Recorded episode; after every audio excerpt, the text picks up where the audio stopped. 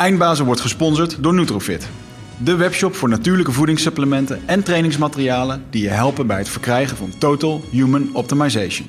Nutrofit is hofleverancier van merken zoals Onnit, Natural Stacks en Bulletproof Coffee. Probeer onze producten zonder risico door onze money back guarantee. Bezoek ons op www.nutrofit.nl. Bestel je voor 9 uur 's avonds, dan zorgen wij dat jouw bestelling de volgende dag geleverd wordt.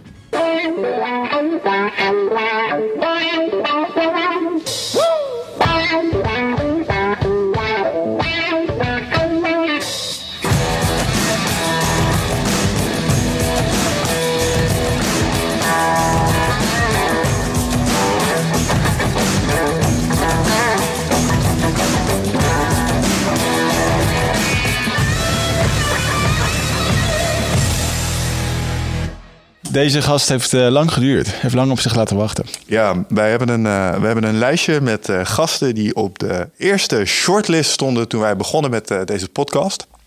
En deze meneer die stond ook op dat eerste lijstje. Ja. Toen wij begonnen met podcast, we hadden een paar thema's waar we het over wilden hebben.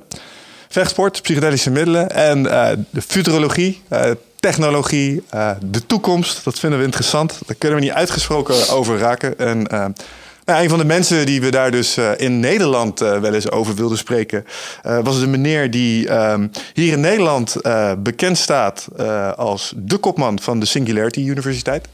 En nou ja, het wordt niet meer toekomstminded als de Singularity Uni Universiteit. Maar deze man heeft natuurlijk meer gedaan als alleen met de toekomst bezig zijn. Dus um, wij dachten, laten we Jury van Geest uitnodigen. Jury, welkom. Fijn om in te zijn. Om het over deze fantastische thema's uh, te hebben. Uh, welkom weer in Nederland allereerst. Uh, je was veel aan het reizen de laatste tijd, begreep ik. Klopt, ja. Lukt nu wat minder, dus wat vaker thuis. Waar ben je geweest?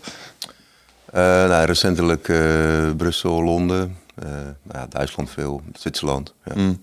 Wat doe je in het buitenland? Verschillende dingen. Ik doe presentaties, workshops, trainingen. Ook begeleiden van grote bedrijven bij transformatieprogramma's. Mm -hmm. Op basis van mijn boek. Dus verschillende dingen eigenlijk. Ja, of soms ook events hoor, gewoon events organiseren. Ik ben bezig om een aantal eigen events te organiseren in New York en uh, Berlijn en München. Oké. Dus eigenlijk verschillende dingen eigenlijk. En allemaal rondom uh, het thema futurologie of ook breder als dat? Nou, eigenlijk is het een mixture van twee of nou drie, vier dingen. Eén is exponentiële technologieën. Dat is wel iets wat, wat minder geworden. Uh, tweede is, doe ik wel, wat vaker is praten over mijn boek Exponentiële Organisaties. Het derde is over dus het implementeren van het gedachtegoed uit het boek. Het vierde is eh, China. Ik ben steeds meer over China aan het presenteren, want dat vind ik een uh, spannende ontwikkeling. Hmm, dat is interessant. Dat is de tweede redelijk prominente die we daar uh, recentelijk over spreken. Dick Swaap laatst ook. En die had soortgelijke interesses in China. Die zei ook, het is dus echt een hele grote factor in de toekomst. En ja. uh, daar nou, kun je niet omheen. nu al. Ja, ja zeker. Oké, okay, um, ehm, hoe, uh, want eh, je hebt nu een bepaalde naam. En we hadden het in het voorgesprek hadden we het al even over dat het best wel een pad was uh, om daar te komen. Je bent altijd wel uh, redelijk innovatief bezig geweest. Niet alleen als het ging om technologie. En ik begreep zojuist, dat vond ik wel leuk, dat jij betrokken bent geweest bij het implementeren van Lean en het hele start-up gedachtegoed in Nederland. Ja. Kun je daar eens iets over vertellen? Ja, was ehm, erg leuk. Toen de, moet ik even terug in de tijd. Rond 2011 had je natuurlijk start-up weekend, dat soort dingen. Mm -hmm.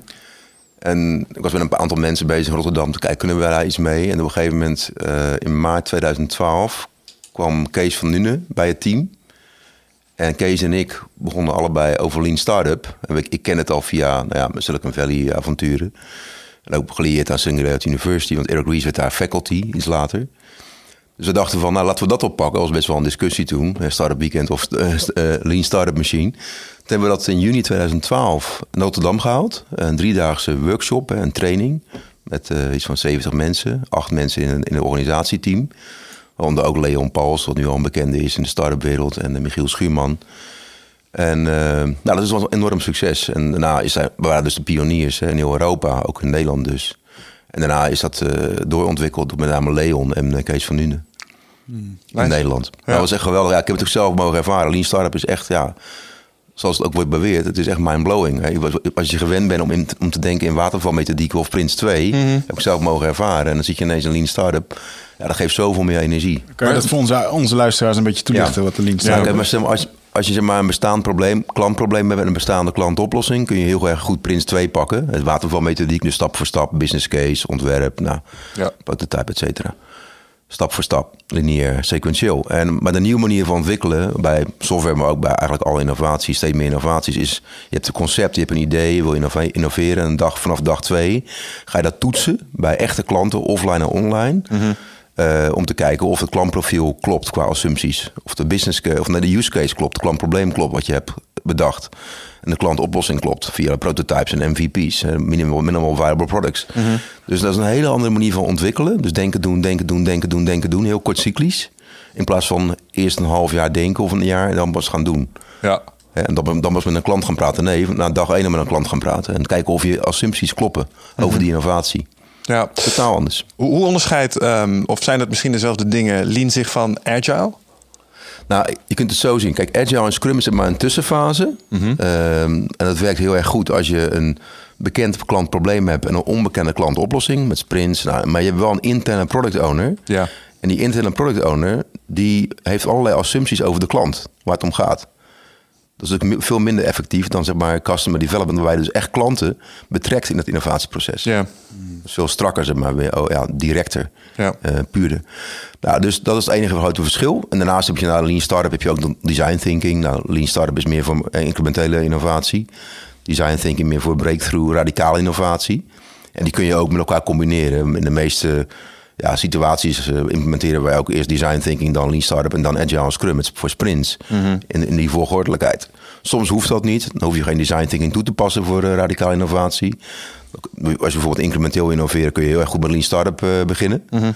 Dus het hangt heel erg af van de situatie.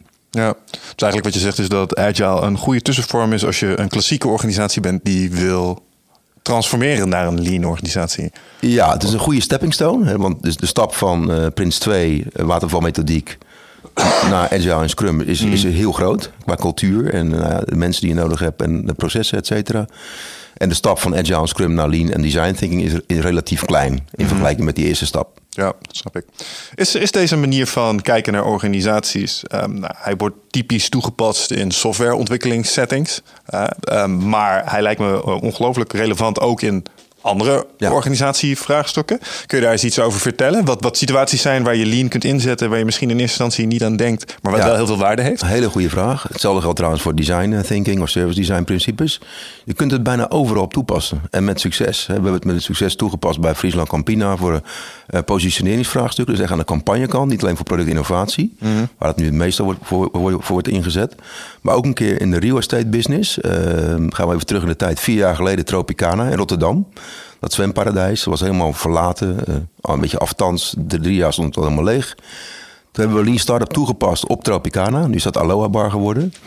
En dat is eigenlijk in een half jaar tijd dus helemaal getransformeerd op conceptniveau. Door die principes toe te passen. We hadden hier vier doelgroepen gedefinieerd, Lean toegepast. Uh, feedback loops, mensen interviewen, customer development.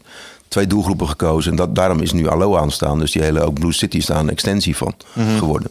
Dus dan zie je zelf, dat zelfs binnen real estate, waar toen denk ik wel een van de eerste in Europa op, die, op die manier toe te passen, misschien wel wereldwijd.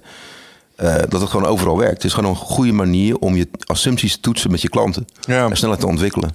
Ja, als iemand die aan de ontwikkelingskant heeft gestaan en in interactie met klanten op die manier, um, heb ik alleen wel gemerkt dat het lastig is om een klassieke klant uh, mee te krijgen in, in op die nieuwe manier van werken. Want ja. zij zijn heel erg uh, klassiek geschoold in de zin van: ik heb een vraag, jij levert mij als, uh, als leverancier, lever dat. En nou moet ik met jou een moeilijk proces in, wat me ook tijd en geld gaat ja. kosten. Um, ja, ik, ik, weet niet of ik daarop zit te wachten. Ja, heel herkenbaar. Uh, het, het, vereist moed en geduld en een lange termijn adem of focus van de opdrachtgever. Mm-hmm. Die bepaalde ambiguïteit en on, onzekerheid kan, kan, kan verdragen. Als dat niet zo is, wordt het inderdaad heel moeilijk. Als je van Prins 2, als je Prins 2 gewend bent, een watervalmethodiek, en je gaat ineens hier via Lean Startup. In het begin is het heel erg rommelig, chaotisch en je maakt fouten. Omdat het Lean Startup en Design Thinking zijn geen wetenschap. Het is een wetenschap en een kunst. Hè. En dat, dat kunstaspect dat heeft te maken met hoeveel ervaring je opbouwt. Ik leer nog steeds bij Lean Startup trajecten, praktisch niveau, nieuwe inzichten van hoe, hè, wat de valkuilen zijn, wat het wel en wat het niet is, wat, wat wel en wat niet kan. Mm-hmm. Dus je, de enige manier om het te ontdekken is om het gewoon heel vaak te doen. Dat is gewoon oefenen. Ja. Maar ik ben met je eens, het vereist een type uh, openheid bij de klant en uh, consistentie. Is het iets wat uh, grote consultancybureaus als Accenture of een Boerenkroon al toepassen? Of? Uh, ik ken ze niet allemaal. Sommigen doen dat wel. Ik vraag me wel af uh, of ze het helemaal goed hebben opgepakt qua principes. Want wat ik al zei, het is niet eenvoudig. Er zit, er zit heel veel leergeld bij. Ja. Ehm, ja, dus dat kan, vind ik moeilijk te beoordelen. Ja. Wat bedoel je? Er zit heel veel leergeld bij. Dat je, waarschijnlijk gaat het heel veel kosten. En je weet niet wat eruit gaat komen? Nou, ja, kijk, je moet er echt voor gaan. Kijk, Lean Startup is niet zomaar iets dat je even een boekje leest en dan in één keer begrijp je het. En dan, hè, dat, je mm. moet het echt heel veel doen mm.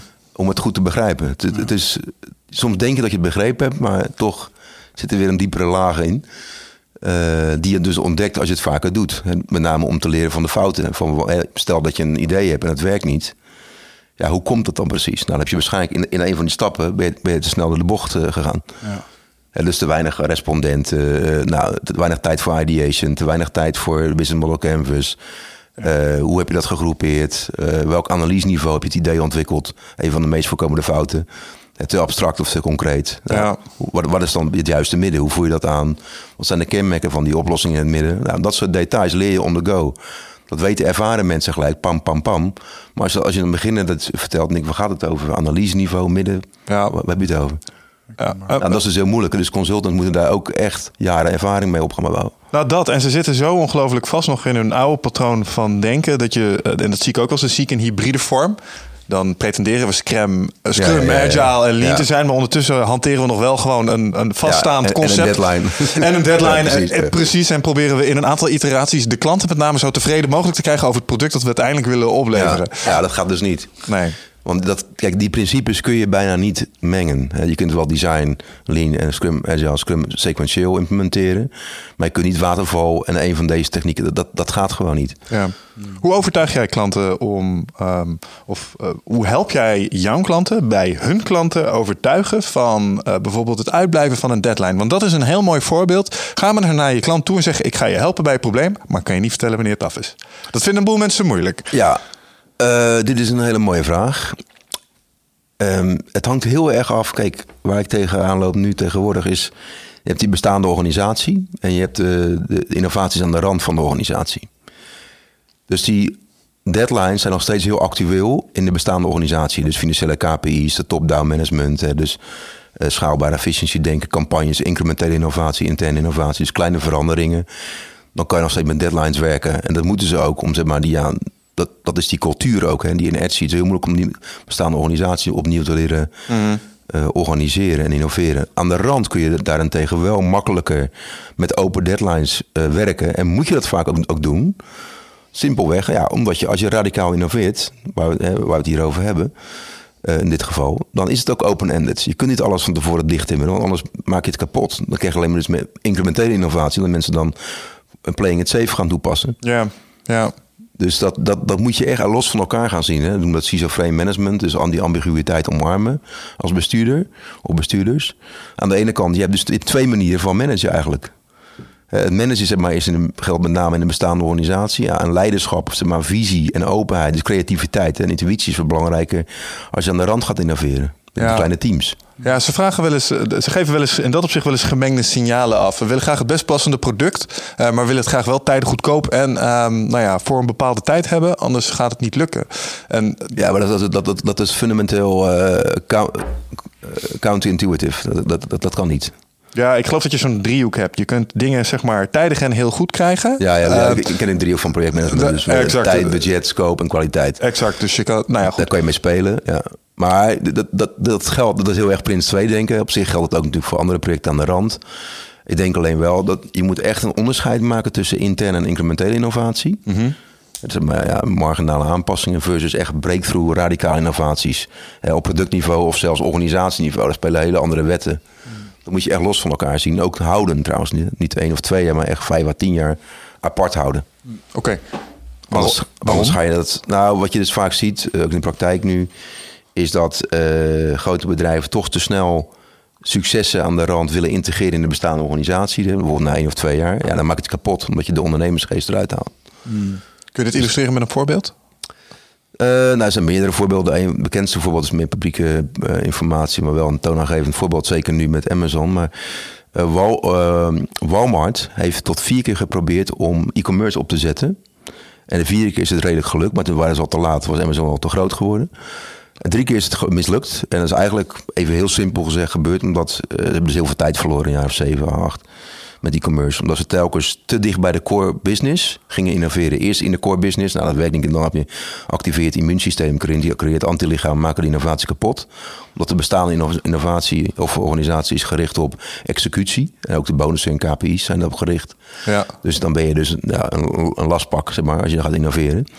Dan zit je echt midden in die politiek. Nou, daarnaast gingen ze aan de rand eh, beginnen. Maar dan moesten ze wel gebruik maken van de kerncompetenties en allerlei supply chain eh, vereisten van de bestaande organisatie. Dus niet volledig los. Nou, werkte ook niet. De derde keer ook aan de rand, helemaal eh, meer autonoom. Ging heel goed. En na twee jaar gingen ze het integreren in de bestaande organisatie. Dus in de retailkant, de fysieke retailkant. Maar wat de fysieke retail eh, segment meer macht had dan die e-commerce tak, qua volume, omzet, winst, et cetera, dan word je dus onder de, de oude organisatie geplaatst qua hiërarchie en de structuur. En dan wordt, dan wordt het dus kapot gemaakt door de interne politiek. En dat is logisch, dat is gewoon human nature. En Wa- wa- waarom dus- is dat? Nou, je zegt dat is logisch, dat, Dat is human nature. ja. Dat, zijn, dat is bijna laws of power. Omdat mensen posities bedreigd zien worden, niet Absoluut, mee willen maar dat- dat- veranderen. Dat, is de kern van transformatieprocessen. Hmm. Dat, vind ik er ook heel erg tof aan trouwens. Het is heel complex. hè. Alles wat ik gaaf vind, komt daar bij elkaar. Psychologie, sociologie, antropologie, cultuur, politicologie, Hmm. economie, technologie. Alles heeft daar een rol en een plek. Het is een puzzel. Ja. En met name die, de, de psychologische aspecten in dit geval, dus angst, het verlies van macht, structuur, invloed, invloed carrière, eh, et cetera. Perspectief, ja, dat speelt een grote rol bij dit soort processen. Maar wel- Maar op, maar- maar mijn doel is natuurlijk om op, op organisatieniveau te kijken. Wat is de continuïteit van de organisatie? ja. Dus dan moet je dus soms harde keuzes maken, trade-offs. Ja. Nou, eh, waar, je me op triggert is, ik heb eh, in onderwijsinstellingen interim eh, verandermanagement trajecten mogen doen. En Met name ook te- tegen dit soort spanningsvelden aangelopen. En wat ik daar ook gezien heb is, ehm, ja, ik wil zeggen, ik doe het te kort als ik zeg intern gepensioneerden, maar mensen die op een bepaalde manier vastzitten in hun denken. En mijn persoonlijkheidstype vond het heel moeilijk om dat soort mensen te overtuigen en in beweging te krijgen. Hoe doe je dat? Is heel moeilijk. Er is niet één middel voor. Het begint met eh, het bestuur, raad van bestuur, raad van commissarissen. Dat die de- de- dezelfde visie hebben, dat die op elkaar zijn afgestemd. En er echt voor gaan. eh, Om, om zeg maar die vernieuwing, die innovatie te, te implementeren en te initiëren. Eh, dus lange termijn focus, consistentie en een gedragen beleid.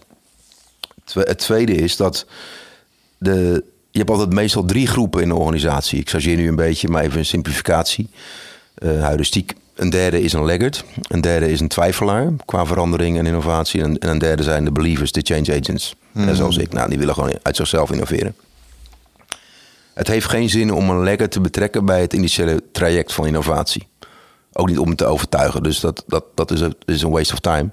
Dus je begint met de mensen die wel daarvoor openstaan. Staan, in nou, alle plekken in de organisatie. Die verbind je met elkaar. Die laat je kleine projecten doen aan de rand. Als het succesvol wordt, dan moet je dat heel erg uit gaan vergroten. Ook via de CEO. En eigenlijk nou, heel veel in- interne communicatie. Dan gaan die twijfelaars willen die, die, die, die mensen gaan opvolgen. Door, eh, via pool. Dus niet via push. Maar door- omdat ze dat zelf aantrekkelijk vinden. Voor een carrière, voor inhoud, et cetera. Noem maar op. Op een gegeven moment, als die twijfelaars mee zijn, dan gaan die LEK'ers ook kijken van oké, we blijven nu achter. En dan gaat een deel daarvan ook mee bewegen. Dus ik geloof heel erg in de, in de sequentiële aanpak getarget. En eh, ja, dat werkt goed. Ja, grappig. Je initieert hem wel aan de bovenkant, maar je Ja. laat hem uiteindelijk eh, zeg maar, eh, implementeren vanuit de, de bottom. Vanuit, Ja, je moet allebei doen. Kijk, je hebt Ja. top-down, moet je, moet, noem ik een lightweight innovation, innovation architecture moet je bouwen. Dus niet zeggen maar van ja, we gaan, iedereen mag innoveren, prioriteit nummer één. Aha, en, eh, ja. Off you go. Nou, ik zal geen namen noemen in Nederland, maar dat is van- bij een aantal grote bedrijven gebeurd. Nou, dan krijg je dus op een gegeven moment chaos, fragmentatie, eh, verwatering, maar ook dat mensen vooral te veel innovaties over zich heen krijgen. Dus innovatiemoeheid ontstaat. Eh, te veel verandering tegelijk, dat is een grote fout. Daarnaast moet je ook innovatieprojecten kunnen vergelijken onderling. Dus standaardiseren, KPI's, et cetera, methodieken standaardiseren. Ehm, dus dat noem ik een, lightweight innovation architecture top-down. En daarnaast moet je ook heel erg goed nadenken als bestuur van oké, wat ga ik doen als het succesvol wordt? Of als het niet succesvol wordt, hoe meet ik dat dan consequent? En wie is daarvoor verantwoordelijk? Hoe gaan we dat eh, ja, vergelijken? Hoe gaan we dat beoordelen? Eh, nou, dat zijn hele belangrijke stappen die je vooraf moet nemen.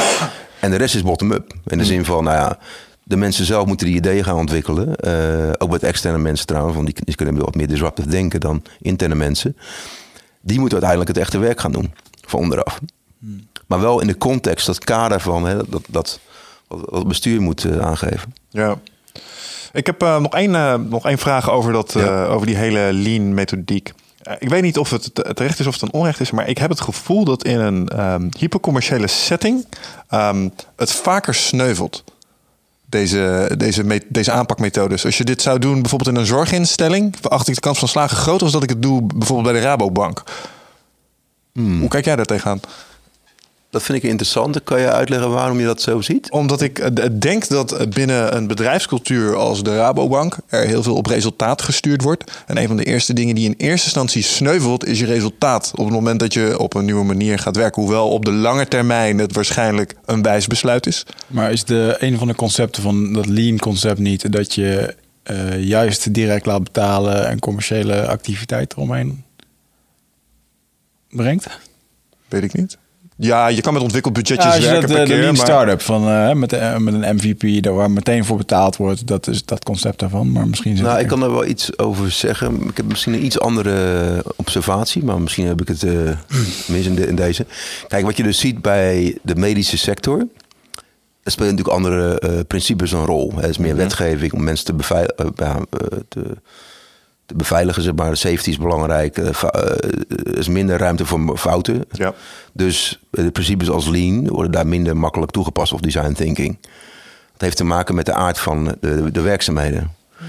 Eh, hè, zodra, zodra safety en security een rol speelt, bijvoorbeeld FBI, CIA, CIA ja, die gaan niet even een lean startup doen, want dan lekt die informatie eerder. Ja, dat buiten. ik. Ja. Dus co-creatie is daar ook minder complexer. Dus dan blijf je die hiërarchie houden en die Prins 2 aanpakken, zeg maar, puur vanuit het, het voorkomen van lekken. Ja. Nou, bij de medische sector gaat het voorkomen van fouten, gaat over mensenlevens. Dus ja, is het, het komt wel voor, maar dan in de minder eh, prominente activiteiten die niet te maken hebben met chirurgie bijvoorbeeld of met het, echt, het, het helpen van mensenlevens. Ja, ja, ja. Dus aan de rand wordt daar dan wel lean startup toegepast. Ik zie niet zo 1, 2, 3 jouw punt dat, dat daar een onderscheid is tussen, tussen deze twee sectoren. Dat zie ik niet 1, 2, 3. Dat, dat eer, lean eerder bij de medische sector wordt toegepast in ziekenhuizen, dat zie ik niet 1, 2, 3. Nou, ja, of überhaupt een onderscheid binnen sectoren om wel... Nou, je, ziet, je ziet een onderscheid, wat ik net zei, tussen, nou ja, ehm, speelt veiligheid en safety een rol? Nou, is iets helemaal dicht gereguleerd door, door de overheid met hun eigen afwegingen, dan is het iets lastiger. ja. En dan is het logischer maar, om Prins 2 te hanteren, omdat er dan, ja, dan kun, je dat, kun je dat meer controleren en beheersen en ook hè, lekker voorkomen en minder excessen toelaten. ja, dus daarmee zeg je, er is eigenlijk nog wel plek voor klassiek. Absoluut, Ja, ja, ja. absoluut. Eh, Dus het is nooit zeg maar of-of. In ook bijna alle onderwerpen geldt dat. Het is altijd en-en. Mhm. Alleen je krijgt een gradatieverschuiving van hoe vaak je iets gaat toepassen procentueel. Ja.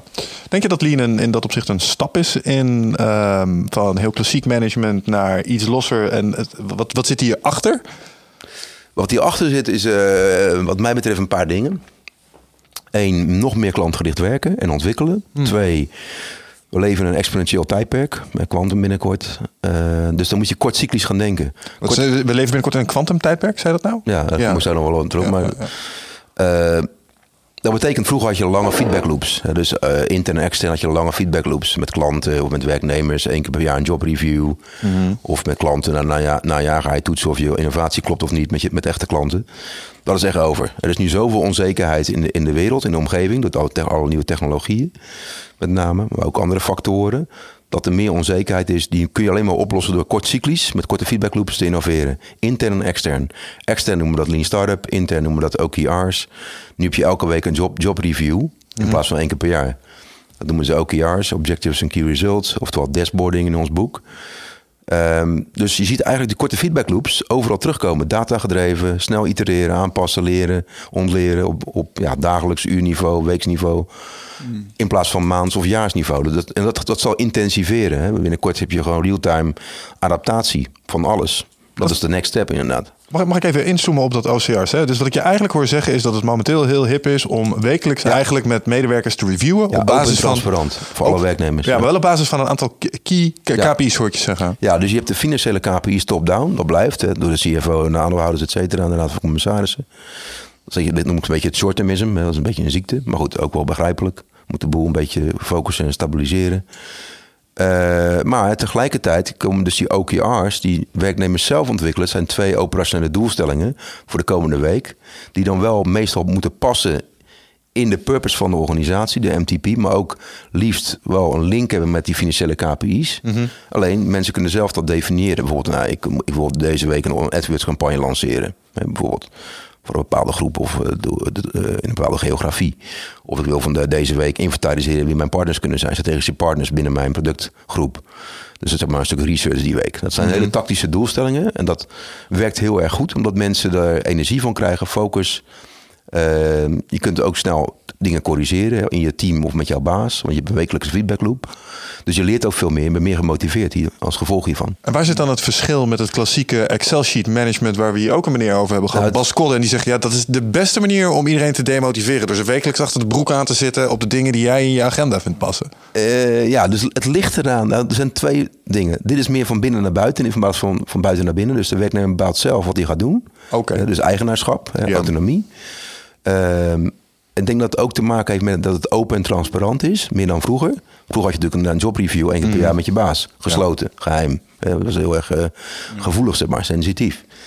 En dat is nu echt aan het veranderen. Mensen gaan elkaar ook soms helpen om bepaalde doelstellingen te halen voor die week. Als ze zien, ja, ze kunnen gewoon inzien, hey, je, hebt, je loopt een beetje achter, ik ga jou helpen. Ik heb nog wat tijd over. Dus ja. ook collegiaal. Het geeft ook meer teamvibe, het wordt minder politiek in veel gevallen. Het werkt alleen niet in een hele concurrerende omgeving, bedrijfsomgeving. Dan wordt het alleen maar erger. En krijg je een soort Lord of the Flies eh, scenario. Waarbij het nog meer om concurrentie gaat. Omdat alles open en transparant is. Gaan mensen elkaar vliegen afvallen. Ja. Dat wil je niet. Maar als je, als je een samenwerkingscultuur al hebt in de basis, werkt het heel erg goed. Ja. Heb je een business case die, eh, die dit echt goed hanteert, een bedrijf? Uh, ja, meerdere start-ups, maar ook corporates meer en meer. Het is ontstaan eigenlijk al heel lang geleden, twaalf jaar geleden bij Intel. Dus in Silicon Valley wordt redelijk standaard nu, ook bij grote bedrijven, ook bij Facebook en Google, et cetera. Uh, LinkedIn heeft gezegd, het grootste succes van LinkedIn de afgelopen vijf jaar is het implementeren van OKR's. Dus korte feedbackloops, wekelijkse uh, doelstellingen met hun werknemers. Uh, heeft de CEO gezegd. Dus ja, dat zijn wel strong statements. En ik geloof er ook wel in. Mm -hmm. Alleen het is niet voldoende. Dit, dit, als je dit, moet je wel in een, een grotere context bezien van innovatie. Ja. En nou, dus met name ook openheid en transparantie en korte feedbackloops. Maar ook mensen decentraal meer eigenaarschap geven voor hun werk. Dat ze zelf hun werk kunnen indelen. Ja. Is Nederland hier klaar voor? Het, voor mij is dat begonnen. Het is op zich geen nieuw idee. Uh, ik zie het wel redelijk toenemen. Ik denk met name de laatste jaar, twee jaar. Hoor ik er meer start-ups ook over. Ja. ja. Nou, bijvoorbeeld Blenders denk ik een goed voorbeeld. Hè. Dat, die, die, die hebben eigenlijk intuïtief de meeste uh, nieuwe ontwikkelingen rondom innovatie, methodieken en KPI's al uh, geïmplementeerd in de afgelopen twee jaar. Dus.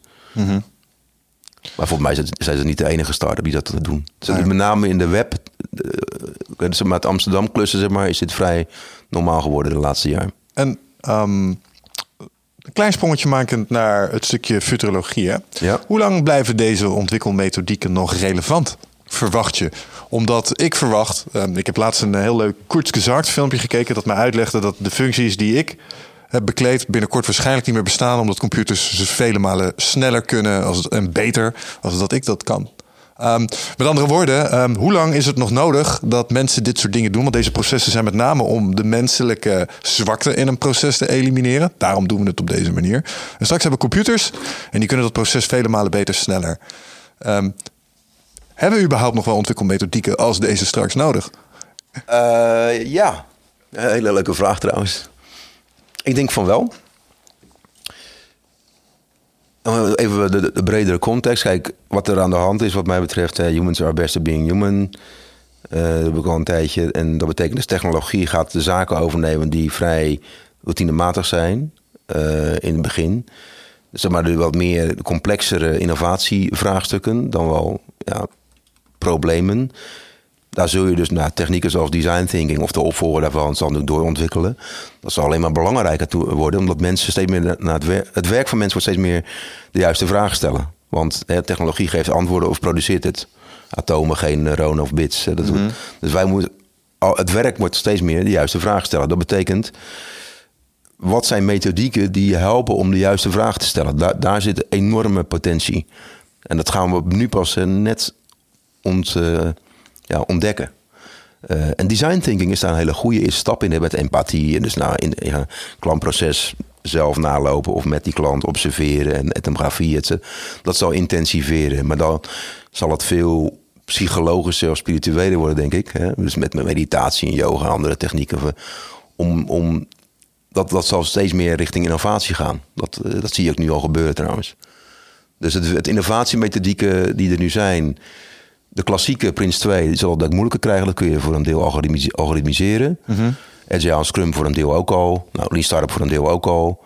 Maar design thinking, wat daarna komt, is echt puur mensenwerk. En dat zal ook grotendeels mensenwerk blijven in mijn... eh, eh, in analyse, omdat het met name intuïtief is. Het gaat over gevoel, het gaat over fuzziness, messiness, laterale creativiteit en associaties. Daar is technologie toch vrij eh, beperkt in. Vooralsnog, het kan natuurlijk veranderen. Ja. Denk aan AlphaGo, hè. je hebt nu creatieve AI en eh, intuïtieve AI. Maar dat is nog wel gelimiteerd. Eh, De AI is niet gek. Wij zijn echt gek soms. Ja. Dus die gekte van mensen, zit, dat is de meerwaarde. Irrationeel. Ja. We zijn- ja. Ja. Heb, je, heb je die foto's wel eens gezien trouwens? Van die AI die, ehm, die maakt collages van foto's Ja. op basis van dingen die die bij elkaar raapt. ja. Dat hebben we ook wel eens gedaan. Ja, het hele duurt ook een paar dagen. Toen duurde het iets van 30 dagen toen ik dat een keer deed. Oké. 30 dagen verzamelt hij internet en dan heb je... Ja. eh, of verzamelt hij foto's. En Surrealistische afbeeldingen maakt het. eh, Ja, absoluut. Ja. Ja. Dat is wel fascinerend. De, de vraag is wat er natuurlijk achter zit. En, eh, dat weten we nog niet, maar het is wel fascinerend. Kijk, op zich, eh, AI wordt steeds creatiever. Ehm, maar dan nog wel binnen de grenzen. Omdat het natuurlijk wel gaat over de, op basis van de voorbeelden die hij heeft gezien. dus, eh, maar het is erg aan het veranderen. Hè. Dus AI, je ziet nu dat het van narrow AI steeds meer naar general AI gaat. Want bijvoorbeeld domain knowledge transfer is nu al in ontwikkeling. Dat betekent dat AI in een bepaald kennisdomein kan bepaalde heuristieken ontwikkelen of inzichten, patronen ontdekken. En die vervolgens ook weer transplanteren of projecteren op een ander gebied. Nou, dat doen wij dus ook met analogieën en metaforen. ja. Dus die analogieën, dat, de stap wordt nu net genomen, as we speak, de laatste twee maanden bij Google en eh, Facebook. Ja, dat is fascinerend. Baidu. Ja. Het was natuurlijk eh, recentelijk weer even hip. Toen plots, eh, ik geloof bij Facebook, eh, twee AI's vrolijk met elkaar begonnen te kletsen. Ja, dat is wel een beetje omstreden. Dat is, dat Ze hebben het iets, iets, iets aangedikt verlicht. Ja, Ja, ze ja, hoe omstreden? schijnt, nou, op de White heb, heb ik gelezen achteraf dat het toch een beetje ja, te veel hype werd.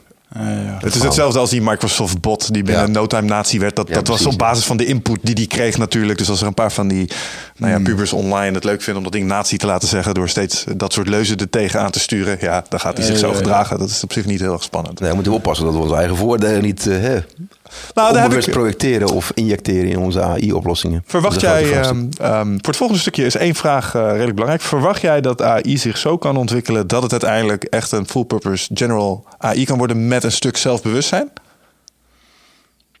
Dat lijkt mij, ik vind dat heel moeilijk. Eh, die vraag houdt me nu al tien jaar bezig ruim. Ik zit al tien jaar in de Singularity beweging, nog voor Singularity University.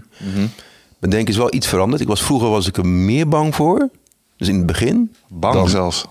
Ja, want ik was, nou, net als iedereen, als je dat voor het eerst hoort, en wow, dan ben ik mind blown, een beetje scary. Eh, maar nu, tien jaar verder, is, is die angst wel enigszins afgenomen. Het is minder geworden. Omdat ik besef dat AI, kijk, in de kern is AI voert uit. Het is wel lerend, zelflerend, et cetera. Maar eh, in de kern mensen bepalen de doelstellingen en de purposes. Ja. En AI voert uit.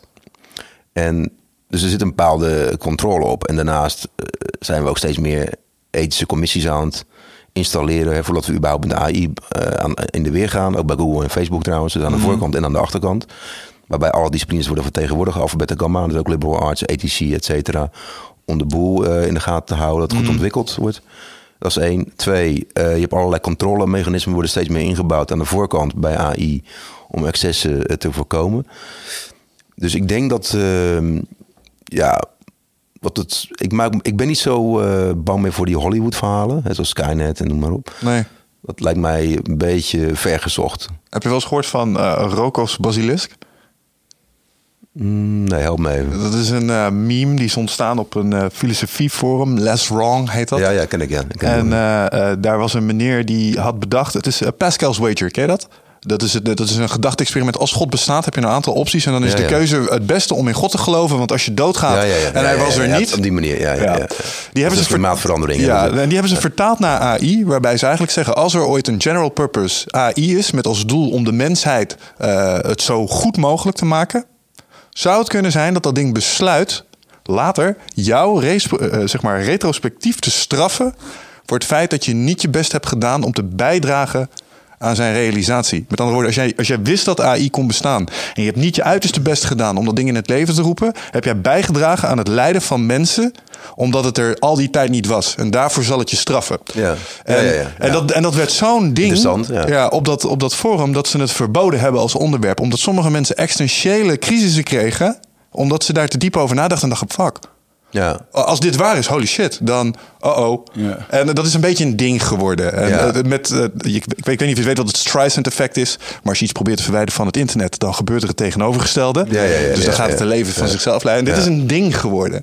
Oké, interessant. Nou, kijk, ik, ik, je, je tweede aspect, ik wil heel even op doorbouwen, maar kijk, is wordt het zeg maar sentient. Hè? Dus nou, ik vind die stap nogal groot. Ik vind, ik vind- volgens mij is er een groot verschil tussen intelligentie, oftewel rationaliteit, logica, computational thinking, algoritmisch denken, dan in vergelijking met emotie en spiritualiteit. Ja. Eh, dus ja, wat is een ziel? Is er een ziel? Maar ja, wij hebben natuurlijk een subjectieve ervaring als mensen die, denk toch fundamenteel anders is, of misschien ook niet, dan Ja. onze intelligentie. En die is- zijn elkaar, met elkaar verbonden. Kijk, ik ben gecharmeerd van het werk van Damasio, en de neuroscientist. Eh, onze emoties zijn direct gekoppeld aan onze rationaliteit. Die kun, dat kun je niet los van elkaar zien. Wat eh Amadeus, dat verhaal eh, van, van eh, Harari, dat, dat klopt volgens mij niet. Want hij, haalt, hij, hij onderscheidt die twee dingen als aparte entiteiten. Maar dat kun je niet onderscheiden. Die zijn met elkaar verbonden. Ja. Dus in die zin is er misschien wel een interessant perspectief dat AI wel die subjectieve, sub- subjectieve ervaring zou kunnen ontwikkelen, omdat ze met elkaar verbonden zijn. Ja, ik hoorde laatst Aan de dus- andere kant, ja, wat, wat, wat zijn emoties? Wat is, is, is, er, is er iets als een spirit? We, we weten heel veel dingen natuurlijk nog niet. Wat is de, de, de, de aard van bewustzijn? Weten we ook niet. Hè? De hard problem of consciousness. We weten heel veel dingen nog niet. Nou, vraag het een meneer als Dick Swaap en die zegt dat is, eh, dat is een soort ghost in the machine. Ja, ik, ben, ik ben niet met hem eens. En die kan ik wel iets meer over zeggen. Eh, dan die andere vraag, want die is heel moeilijk. Ja. Dus ik ben daar ambigu in, laat ik het zo maar even afronden. Maar ik ben minder bezorgd dan in het begin. Ja. Ehm, het brein is natuurlijk aan de ene kant eh, computational, mechanistisch, reductionistisch. In de zin van materialistisch. Oftewel, zenuwcellen zijn transistors. Dat is een beetje het denken van eh, Dennett en ook van Ray Kurzweil zelf. Ook van Elon Musk. Dus ja, het is met name computational. En switch aan of uit digitaal. Het is informatie. Het medium Ja. maakt niet zoveel uit, zeggen Ja, ze. maar dat is niet helemaal correct. Eh, vanwege twee redenen. Ehm, en dat hoor je dus als je veel met neurowetenschappers eh, spreekt. Dus ik ben benieuwd naar de heer Swaap, hoe hij dat allemaal ziet. Eh, zenuwcellen zijn padafhankelijk. En messie en fusie. Dus ze zijn niet zo digitaal zeg maar, als een transistor. Dat is wel een groot verschil. Hè? Met een bepaalde historiciteit, padafhankelijkheid, evolutionaire dynamiek zit in één verdisconteerd. Dat, dat is één aspect. Meer fusie dus. Het tweede, wat veel belangrijker is, we hebben recent ontdekt dat zenuwcellen kwantum zijn. Dus meer de school van, of dat denken van Roger Penrose wordt nu gevalideerd wetenschappelijk de laatste maanden. Dus het is kwantum en het is licht. Want even een zijtak. Eh, DNA, wij denken dat DNA chemisch is, ons DNA. Maar is natuurlijk zo, voor een deel. Maar we hebben ontdekt dat het eigenlijk een pakketje licht is, fotonen. Dus wij bestaan uit licht. En wij, zenden licht uit en wij communiceren met licht. Daar kom ik zo nog op terug. DNA bepaalt de compositie, de, de, de, de structuur van je hersenen. En van je zenuwcellen, van je brein. Dus een deel van je brein is licht. Dus bestaat uit licht. Eh, het verwerken van licht, en dat is kwantum. Hè, Dus op basis van kwantummechanica. Noemen ze microtubules. Nou, Roger Penrose kun je hem opzoeken. Die school komt nu weer terug, want die was in de vergetelheid geraakt afgelopen 10, 20 jaar. Door de dominantie van het denken, wat je net zegt, van Swaap en nou, ook dus een Dennett en eh Ray Kurzweil. Die een heel erg mechanistisch, ja, computational view hebben van het brein. Ja. Maar ja, we zijn computational voor een deel. We zijn een bio, biochemische machines voor een deel. Maar we hebben nu recent ontdekt dat we ook voor een deel kwantum en licht zijn.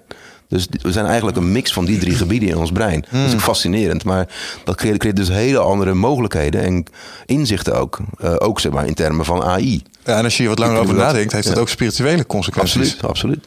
Ik vond het met Zwaar heb ik dit toen aangehaald. Van, eh, wat zou het zijn als er bijvoorbeeld een andere levensvorm, en uh, noem het een andere dimensie. Ja, daar moet ik nu net aan denken. Ja. Uh, een andere dimensie of een andere wat dan ook. Er zou een levensvorm in de vorm van licht kunnen zijn. Waarin hij zei van ja, maar ja, licht, dat is geen gebeuren. levensvorm, Ja, want het heeft geen gedachte. Dan denk ik van ja, maar eh, waarom niet? Want ergens zijn wij ook gewoon licht. En nou, Nou, ja, ja, wat je zegt, dus dat ben ik het mee eens. Ik, je ziet dus ook dat de heer Swaap eh, ontkent eigenlijk... Die, die, die zit, ja, dat is een, een klassiek vo- voorbeeld van heel erg geconditioneerd zijn door je eigen eh, discipline. En dan alles op die manier gaan interpreteren. Dus alles zeg maar, neuro is neuroscience, terwijl hij dan de hele psychologie wegveegt. Ja. En de sociologie. Terwijl Ja. het feit is dat, dat het brein ook psychologische en sociale componenten in zich eh, herbergt. Naast die zaken die ik zojuist al vertelde. Ja. Dus, maar, dus het, het feit, kijk, het, het brein creëert gedachten en gedachten creëert het brein. Dus die interactie is ook bewezen, ook door Ray Kurzweil zelf notabene. Dus de psychologie, je kunt door je denken letterlijk je, je hormonale in je immuunsysteem hacken en voor een deel beïnvloeden. Ja. Dat is ook wetenschappelijk aangetoond, eh, twee jaar geleden bij Nature and Science. Dus die, je kunt niet alles maar vanuit hersenen verklaren. Het is, het is veel complexer dan, dan de heer Swaap volgens mij eh, illustreert. Ja. Hij heeft wel een heel groot deel gelijk, ik denk 80% Maar die opkomende gebieden en die andere disciplines hebben ook nog een, een deel van het verhaal wat, wat, wat een rol speelt. Nou, wat, wat daar interessant aan is, is denk ik dat. ehm, kijk, we hebben nu natuurlijk. We hadden het over kwantum en AI. Hè? En, en AI eh, op de klassieke manier zoals wij computers bouwen, zoals we nu computers hebben. Ehm, nou, dat zou misschien niet kunnen werken. Maar je zegt net zelf, wat de hersenen onderscheidt van een computer, is dat het blijkbaar ook een kwantumstaat kan ondersteunen. Ja. Nou staan er kwantumcomputers op de horizon. Ja. Die zouden dit, dit probleem potentieel kunnen tackelen, waarmee een AI plots toch denkbaar wordt. Zou je Ja. kunnen stel- stellen misschien? kunnen, ja. weet ik niet. gedachte, ja.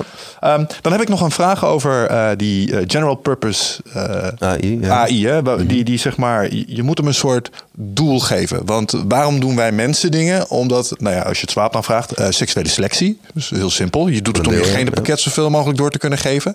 Dat een evolutionair psycholoog. Mhm. zal dat ook zeggen. Ehm, dus je moet zo'n ding een, een doel geven. En da- daarvan zeg jij net van ja, maar wat je nu al ziet is een opkomst van allerlei comité's en ethische Ja. commissies die Ja. nu al nadenken over dat ding, maar. ja, dat ding zo designen om, eh, om vooral niet gevaarlijk te zijn. En toen kwam er een meneer, eh, Nick Bostrom. Ja, en, die zei, ja, ja. en die zei: Ja, dat is leuk. Maar stel je voor dat jij als mens wakker wordt in een kooi gemaakt door gorilla's. Kom jij die kooi uit, ja of nee? Dat had zeker waarschijnlijk wel. Kijk je daar tegenaan? Ja, wat, wat vind ik daarvan? Vind je terecht, die angst? Ja, ik, ik vind het ver gezocht. Ehm, ik, het, ook een paperclip voorbeeld. Dan denk ik van ja, ik vind het, het, het, het zou een rol kunnen spelen, maar ik vind het ver gezocht. Omdat, kijk, wat, wat je dus ziet bij, in zijn boek, dat hij toch telkens eh, aanneemt dat AI zijn eigen doelstellingen definieert zijn eigen purposes. Maar dus dat eigenlijk, nou, je hebt natuurlijk heel veel problemen, alignment problemen. Goed, dat heb je waarschijnlijk ook veel gelezen. Eh, van values, et cetera. Goed, Je, allerlei, je kunt allerlei zaken implementeren om AI toch wel in een box te houden, om het te containen, om de risico's beperkt te houden. En Ja. dus, ik vind het goed dat hij dat boek geschreven heeft om mensen bewust te maken van de risico's. Maar ik vind het overtrokken. Dat zijn hele ja, onwaarschijnlijke scenario's. En dat Net zoals met het verhaal met die eh, self-driving car. Van ja, eh, wat, wat moet die self-driving car doen? Eh, Ethisch dilemma. Of moet hij één persoon doodrijden of vijf mensen dood moet, dood moet rijden? Ja. Moet een keuze maken. Ja. Hoe vaak maak jij dat mee? Nooit. En, het En, maar en, het- nog, een- nog, en ben jij, ben jij wel, toen jij je rijbewijs ging halen, ben je toen getest op, op, op, dit- op dat scenario? Nee, dus wat, wat doen wij nu, ook bij AI, dus in algemene zin, vind ik heel raar.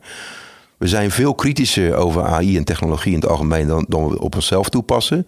En dat is één. En twee, wat ik heel gek vind, en logisch gezien ook niet terecht. Eh, en het tweede is dat we dus ehm, ja, de, die controlemechanismen eigenlijk negeren, die er wel al zijn. Dus het, het, is- het is, ja, in die zin, je zegt dat trouwens, hè, maar het, het valt volgens mij best wordt het wel... overtrokken, denk ik. Ja, maar misschien. Maar misschien ook wel de, de, de eh, maat die we technologie meten ten opzichte van onszelf.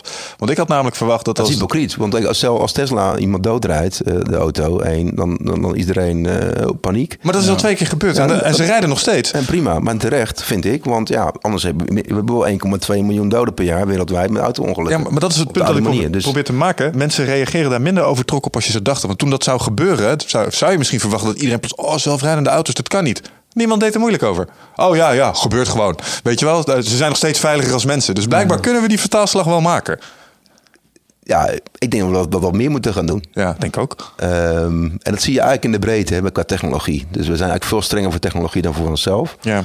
Wat gek is. Terwijl ik zou denken van, nou ja, dat zie je ook bijvoorbeeld bij in de medische sector, waar, waar, waar ik ja, niet helemaal een fan van ben. In de, althans qua FDA-processen, dat je, dat, dat je soms 15 jaar moet doen om iets te, te gevalideerd te krijgen, een medicijn. Terwijl ja, je kunt natuurlijk ook dat naar voren of verkorten om mensen eerder te helpen. Dus om mensenlevens te redden. Nou, die slag is nu gemaakt. Eh, ook in Nederland wordt daar meer naar gekeken. We zijn veel te streng tegen, ten aanzien van technologie en innovatie, vind ik. En dat is een zorg. Dat is in andere landen wat minder zo in de wereld. Nederland is conservatief in dat opzicht. Nou, niet alleen Nederland. Ik denk, eh, ik denk het Westen in het algemeen. Ja. Waar komt die strengheid dan vandaan? Is dat een machtspositie? Ik bedoel, zo'n FDA-proces is best wel gereleerd aan allerlei partijen die daarmee ge- eh, gemoeid zijn. Dat is een goede vraag. Ik weet niet overal het antwoord op. Ik denk dat het te maken heeft met eh, een paar dingen. In het zuiden van de wereld is natuurlijk minder wetgeving. Dus dan, hè, er zijn nou, een greenfield hè, landen, zeg maar. Dus gewoon minder bestaat er al. Dus mensen kunnen dus veel meer pionieren. Omdat er minder wetgeving is. Eh, die landen staan er ook meer voor open om een eigen concurrentievoordeel op te bouwen. Dus, eh, dus, dat, dus je ziet heel veel biomedische toepassingen eerst in Afrika gebeuren of in India. Ja. Nou, dat is fascinerend. En dan was daarna in het noorden van de wereld of in het westen. Dus dat speelt denk ik wel een rol. Ik denk dat wij ook een soort, in een soort risicosamenleving zijn beland de afgelopen 30, 40 jaar. Eh, dat heeft denk ik ook te maken met de evolutie van de, de beschaving en de democratie en de economie. Op een gegeven moment, ja, in het begin neem je meer risico's als land of als, als persoon ook, of onderneming. En later wordt het meer geïnstitutionaliseerd en dan ga je, word je- meer risico-avers. En dat geldt dus ook voor dit soort technologie en innovaties. Het, wordt een cultureel ding eigenlijk, innovatie. Klinkt wel logisch. We worden erg onderhoudend op deze manier. ja. Ja. Nou, ik denk dat Nederland, als we naar Nederland kijken, denk ik dat we iets te risico-avers zijn geworden. Nou, voor- mooi voorbeeld. Dan moeten we weer wederom Zelfgenoegzaam. verwijzen naar meneer Swaap. Maar die zei dat je hier in Nederland placebo's, een heel mooi voorbeeld. Ja. In Nederland moet je vertellen dat je een placebo krijgt. ja, ja, ja. ja, dat heeft nog meer impact. Nou ja, de vraag is natuurlijk van, eh even zei het ook maar, placebo wordt het misschien het nieuwe normaal. Wat ik net al zei, als je met je hersenen blijkbaar je gedachten, Ja. je immuunsysteem en hormonale systeem kunt manipuleren ten positieve, dan zou je kunnen zeggen van, goh, misschien is placebo het nieuwe normaal. Maar we zijn we ons daar niet van bewust. Nou ja, dat zei hij dus ook. tool gaan hanteren, ja precies. Ja, ik vind, ik vind dat interessant. En eh, dat brengt me weer even terug bij dat stukje quantum. ehm, Ja. Waar dus deze ontwikkelingen ehm, in gaan. Zeg, we hadden het net al even over quantumcomputers. Dat is volgens mij ook een, eh, een belangrijke eh, doorbraak geweest om dit toekomstplaatje waar te kunnen maken. Want je hebt ook zoiets als Moore's Law. Ehm, we maken dingen steeds kleiner. Er zijn een soort limiet op te zetten. Kun je eens iets meer vertellen over quantumcomputers en traditionele computers? En die ontwikkelingen daar eh, nu? Nou, je ziet dat eh Moore's Law is, wel redelijk op zijn einde. eh, Zeg maar in het huidige technologieparadigma. Dat zal nog vijf à tien jaar doorgaan, is de verwachting. Uiteraard zijn er alternatieven die eraan komen of al zijn. Zoals quantumcomputing, maar ook DNA-computing of nou ja, 3D molecular computing. Wat, wat is DNA-computing?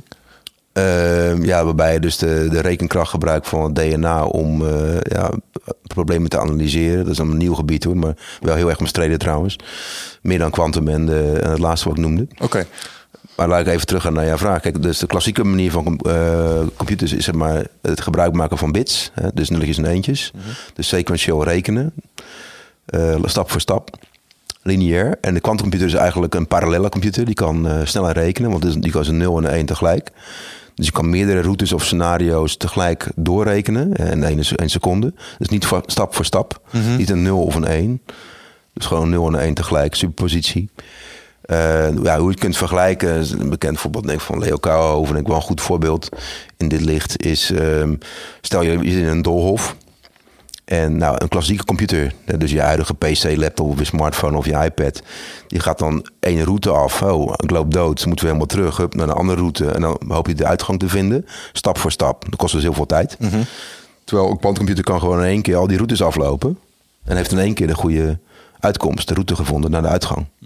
Ah. Dus die loopt alles tegelijk in één seconde. Ja, oh. Ja, zo kun je het zien. En dat, dus het geldt nu met name. Het is er trouwens al, quantumcomputers op meerdere manieren. Er zijn iets van zeven, acht verschillende vormen en technologieën die een rol spelen. Maar je hebt nu al eh, de quantumcomputer via, via D-Wave Systems. Eh, dat wordt gebruikt door Google en NASA, IBM, Lockheed Martin, NRC. Ga ze maar door. Dat bestaat eigenlijk al ja, een jaar of twee op, op het niveau dat het, dat het de klassieke computers kun, eh, kan overklassen. Qua performance, met name voor optimalisatievraagstukken. Dus het is geen generieke quantumcomputer. Die informatie kun je ook zelf vinden op internet. Je typt gewoon in D-Wave. En nou, twee jaar geleden hebben ze dat al eh, iets ontdekt of ontwikkeld... wat 100 miljoen keer sneller is dan een klassieke computer. Dat beweren ze. Ik moet het maar even aannemen dat het zo is. Ik hoor ook dat, inderdaad dat het zo is. Hè, via Peter Diamandis en Steve Jurvetson. Die daarin investeert. Al heel lang, al tien jaar. Eh is een bekende VC in de Valley. Dus ik denk dat dat waar is. Er komen ook allerlei nieuwe eh, aankondigingen aan vanuit die wave de komende maanden. Maar nu komt de grap. In China hebben ze al een andere quantumcomputer, een andere technologie op basis van licht. Die eh, dus al, eigenlijk al verder is dan degene die in Canada en de US wordt gebruikt. Dus die quantumcomputer is er eigenlijk al. Maar alleen op hele specifieke vraagstukken kun je toepassen. Optimalisatievraagstukken. En het voordeel daarvan is dat je dus problemen kunt analyseren. Die vroeger, nou ja, laten we zeggen een jaar of één, twee geleden, kostte dat 30.000 jaar. Dat doen we nu in een uur. Ja. En, en de volgende versie een milliseconde. Nou, en de, we- kunnen binnenkort vraagstukken analyseren die eh, de, de, de, de, de, de, de duur zouden hebben van het hele universum. Dus 14 miljard jaar analyseren met een klassieke computer. Kunnen we dan in één dag doen of één uur met een kwantumcomputer. Ja. Nou, dat is natuurlijk bijna niet te bevatten. Hè. Dat, dat, dat, dat is ook voor mij moeilijk te bevatten. Maar dit is nu echt wel aan de, aan de gang. Dat zie je overal nu ook eh, naar voren komen. In China, Ja. ook in CERN, eh, mensen ermee bezig. eh, althans, weten hiervan. Eh, in Canada natuurlijk D-Wave. En de US, Silicon Valley, NSA. Dus heeft wel grote consequenties op nou ja, eh, biomedisch onderzoek, eh, klimaatverandering, oplossingen voor het klimaat, ruimtevaartonderzoek. Het breken, het breken van de code van de blockchain, mogelijkerwijs, is omstreden, maar daar lijkt het nu wel op. Eh, Ook dus- niet 100% veilig dus, met nou, wat, wat ik hoor, hè, nogmaals, ik ben geen expert op al die gebieden, maar wat ik hoor van de mensen die dicht bij op de bron zitten, is dat wel een topic. Dus de, de Bitcoin, blockchain en Ethereum en een alternatieve, ja, is toch fragiel als je, als je het vanuit deze kwantumontwikkeling bekijkt. Ja. Dat is heel omstreden, want er zijn meerdere eh, manieren om het alsnog te beveiligen. Dus via quantum entanglement kun je de blockchain weer veilig maken. Nou, dat is nu ook ontwikkeld, in, met name in China. Heb je IPFS nou, met Ripple en Jakku. Nou, Jakku is nu Xi Fintech geworden. Dat is een nieuw samenwerkingsverband waarbij ze dus wel quantum proof die blockchain kunnen ontwikkelen en decentraal oprecht gedistribueerd. Want Ethereum en met name Bitcoin blockchain is natuurlijk niet echt gede- gedistribueerd. Het is gecentraliseerd door de mining. Eh, dus het is in die zin heel fragiel en niet eh, congruent eh, op lange, lange termijn viable in mijn, opti- in mijn optiek. Dus die hele blo- de blockchain, daar gaat ook heel veel gebeuren in het licht van die kwantumontwikkelingen, ten positieve en ten negatieve. Het negatieve is, het wordt wordt misschien gekraakt of is al gekraakt. Het voordeel is, je kunt het via entanglement alsnog veilig krijgen via quantum. Ja, dit is wel doorslaggevende technologie. Want Ja. eh, wat je net ook al zei, eh, de, de opties beginnen te duizelen. Alleen al als je gaat om, ehm, als je gaat nadenken over wat je nu kan, met Ja. bijvoorbeeld ja, biomedische gegevens. Je ja, zei het al. fantastisch. Ja. We, we weten nu helemaal niks. Kijk, toevallig, nou, zoals je misschien weet, met Maarten Brabe en Martijn Aslander onder andere hebben we Quantified zelf eh, gedaan. Europa en Amsterdam afgelopen vijf, zes jaar. Dus maar sen- sensoren, wearables, maar het meten van je eigen lichaam.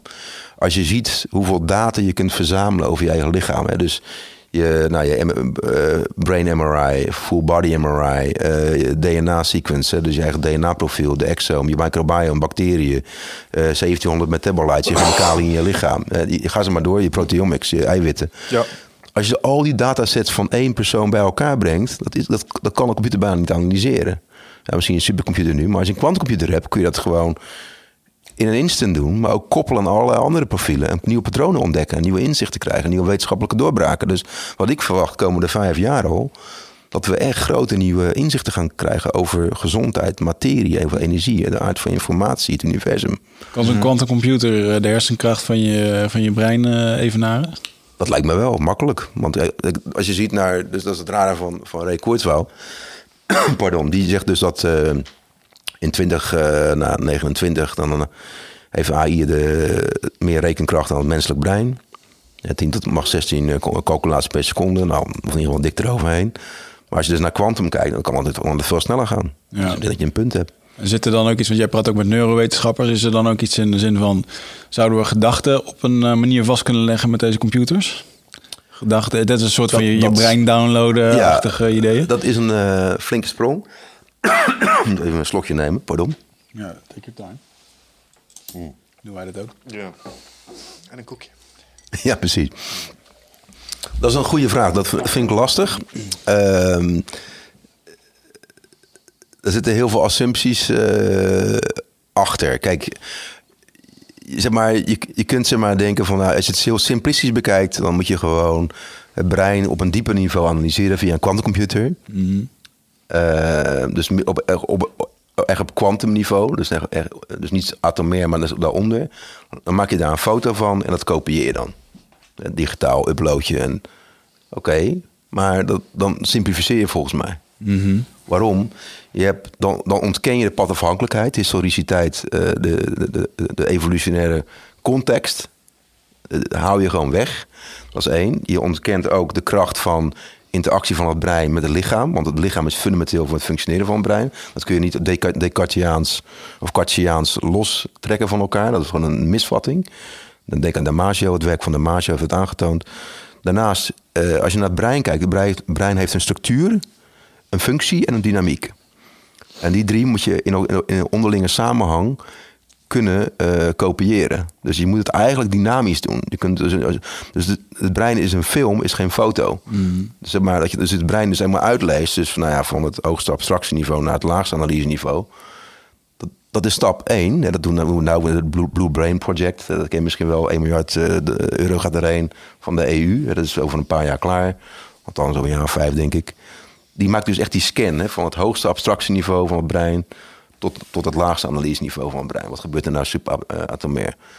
Nou, en dat dan helemaal in kaart brengen. Dus al die eh, nou, 80 miljard eh, zenuwcellen met eh, 10.000 connecties. Eh, dat is synapsen. Maar is het, dat is per persoon verschillend. Want een breingolf alleen al is een uniek iets per persoon. Het feit dat ik nu mijn arm omhoog doe, wordt iedere keer hetzelfde aangeroepen. Dat is mijn neuropathway ding. Alleen het is per persoon verschillend hoe dat, dat Ja. werkt. Ja, Dus dat wordt een flinke database. Dat denk dat ik ook. Ja, ik, ik denk dat die, die scan waar we het nu over hebben, is een goede eerste stap. Maar dat brain uploading, dat, ik denk dat het veel complexer is dan sommige mensen nu beweren. Eh, in het kader van de, nou, die argumenten die ik zojuist heb aangedragen. We zitten echt, we weten eigenlijk nog maar heel weinig over het brein. Hè? We weten meer over, eh, over DNA eigenlijk dan over het brein. Eh, vreemd genoeg. Ehm, en dat zie je ook eigenlijk al. Want kijk, de DNA-wereld heeft een flinke sprong genomen. eh, rond 2001. Hè, dat we het eerste menselijke DNA-profiel hebben uitgelezen met Greg Venter. Misschien wel gezien toen bij, met eh, Clinton ook en eh, bij CNN 2001. Een big announcement. Toen dacht iedereen van het gaat nu heel hard. Hè, we gaan nu alles leren over DNA, hoe, hoe ziektes ontstaan, et cetera. Nou, dat- nu zijn we dus eh, 16 jaar verder. En we weten wel veel meer, maar we hebben ook ontdekt dat we heel veel dingen ook nog niet weten. Ook nieuwe ge- vragen zijn ontstaan. Bij brein zitten we eigenlijk nog een paar stappen terug. In vergelijking met het DNA van het menselijk eh, ja, lichaam. Dus ik denk dat het nog echt wel een flinke tijd gaat duren, dat, eh, dat uploaden. Zou je doen? Maar met quantum kan het sneller gaan. Dat, dat ben ik wel met, eh, met jullie eens.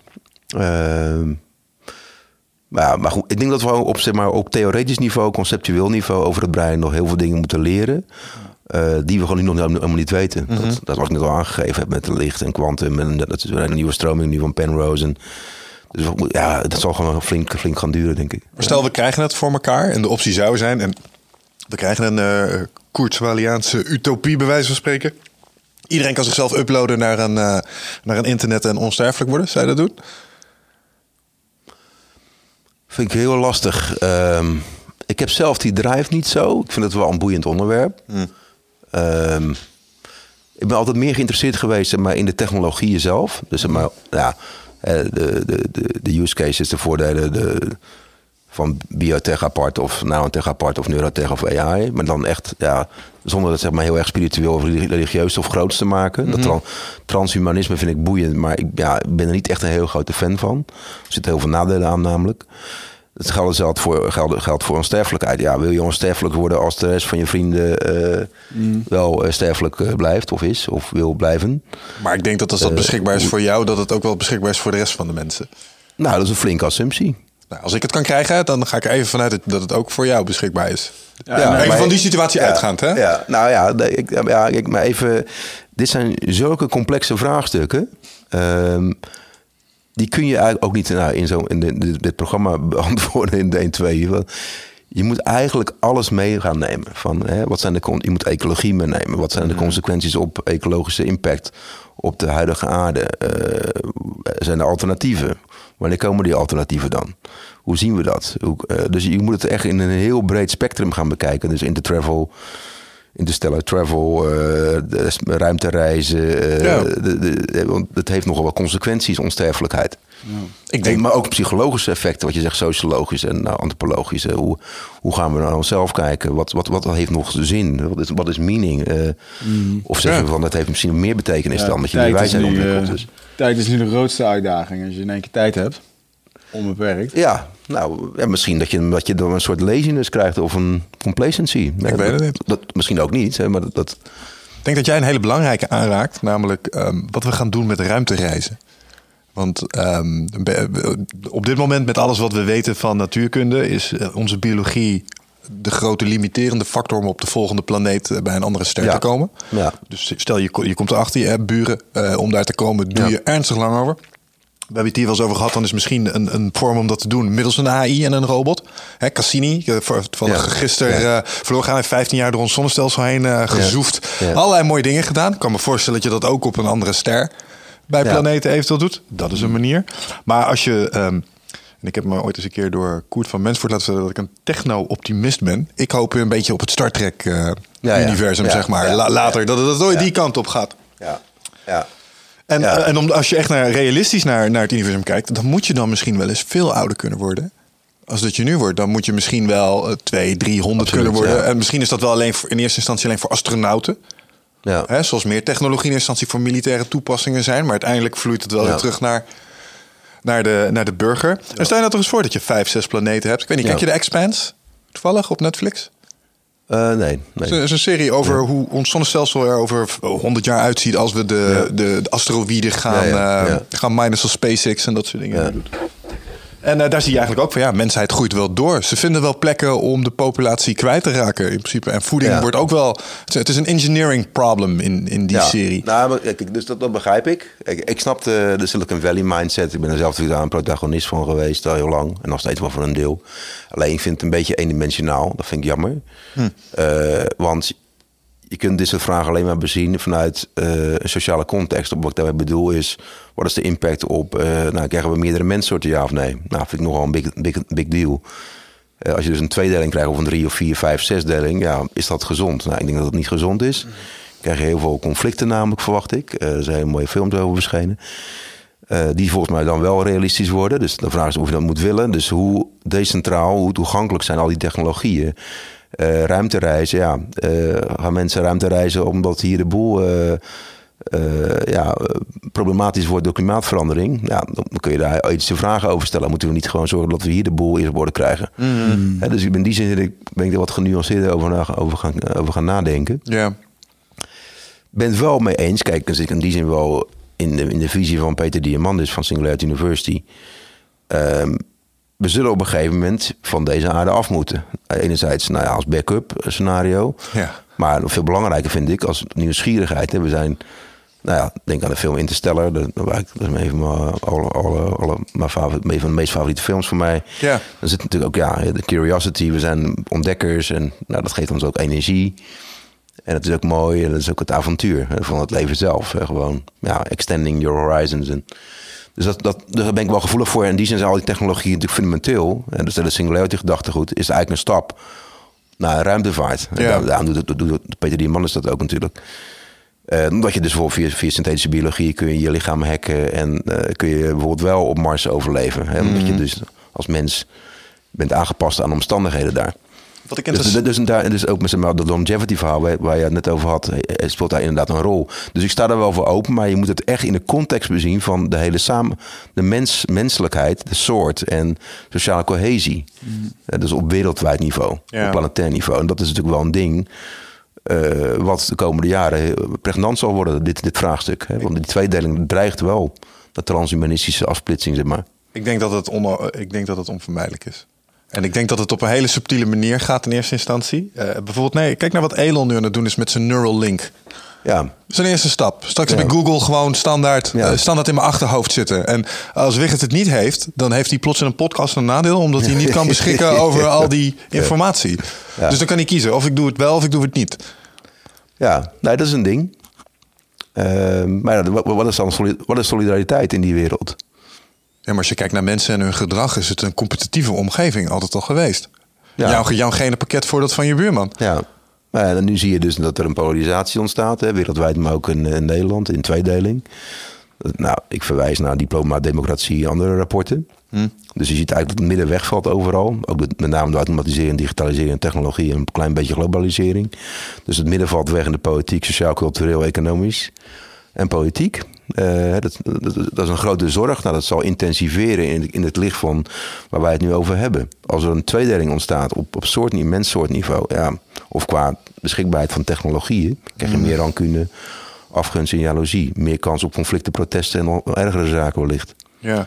Dus ik denk dat daar heel erg bewust over nagedacht moet worden. Dus eh, wat is de impact op, eh, op de, onze, onze, soort? Ja, ik En denk, het zijn geen makkelijke vraagstukken, want voor beide is wel iets te zeggen. Het ligt aan wat je hoogste, het ligt aan wat je doel is. Ja, wat, was je eindwaarde? Ja, wat is je doel? Maar Ja. goed, je- zoals je weet, de meeste dingen hebben natuurlijk te maken met een afweging of het combineren van allerlei eindwaarden. Ehm, dus dat zal een, mooi dat, moet, dat debat moeten we wel gaan voeren komende vijf à tien jaar, ook in Nederland. Hoe kijk jij in dat opzicht naar de mensheid en, en haar doel? Als je dan kijkt naar de menselijke ontwikkeling vanaf eh holbewoner naar waar we nu staan. Nou, ik ben heel eh, optimistisch. Als ik kijk naar, ja, ik ben heel erg bezig met geschiedenis. Want- als je in de toekomst wil kijken, moet je van geschiedenis houden. Anders doe je, neem je je vak niet serieus, denk ik. Dat is mijn mening althans. Dus als je kijkt naar de hele geschiedenis, eh, laten we zeggen de afgelopen 2 miljoen jaar of 200.000 jaar. Dan kan, je, dan kan je niet anders dan concluderen dat het een waanzinnige reis is geweest. En heel optimistisch. ja. En mindblowing. Eh alleen, ja, we zitten natuurlijk wel in een strijd. Meer dan ooit. Vroeger ook komen nu helemaal. Tussen aan de ene kant catastrofes versus eh, educatie, onderwijs en technologische ontwikkeling. En dat ziet er nu eh, nog goed uit, gunstig uit. Maar het wordt, eh het wordt riskier.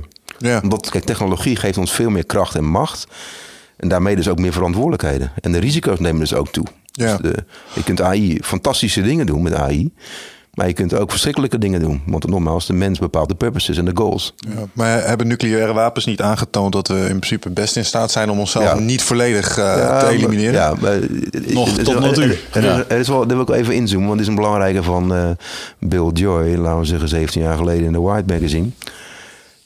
Er is een onderscheid tussen ABC-wapens en onze nieuwe technologieën.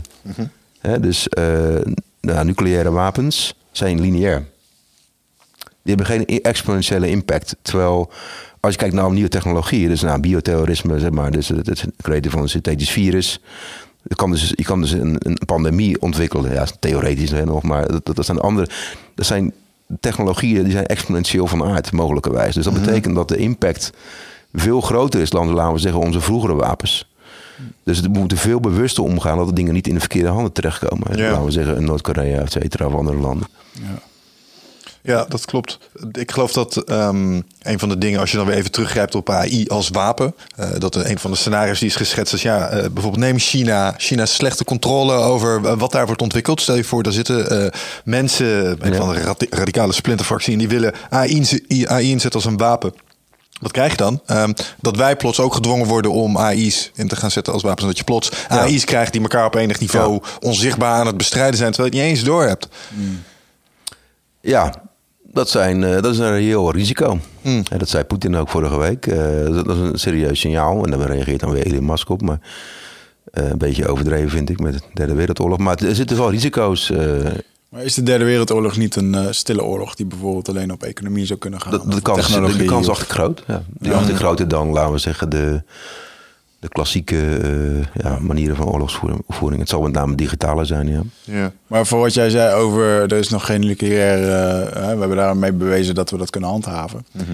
Ik las laatst een eh, stukje over Noord-Korea. eh, ik wil dat- even reageren. We zijn wel twee, twee keer door de oog van de naald gekropen. Minimaal. Ja, Ja, de jaren ja. 80 en de Ja. Er zijn een paar 62. verhalen Ja. van, van, van Maar- het ja, systeem. precies. Ja. Maar nu bijvoorbeeld met dat Noord-Korea. Daar zag ik laatst een, een, een, een filmpje over. Dat, dat eh, Noord-Korea, die kan, eh, als er iets gebeurt. Stel dat het Amerika actie zou ondernemen of wat dan ook. Of Noord-Korea. Die gaat nu in één keer de bad guy zijn.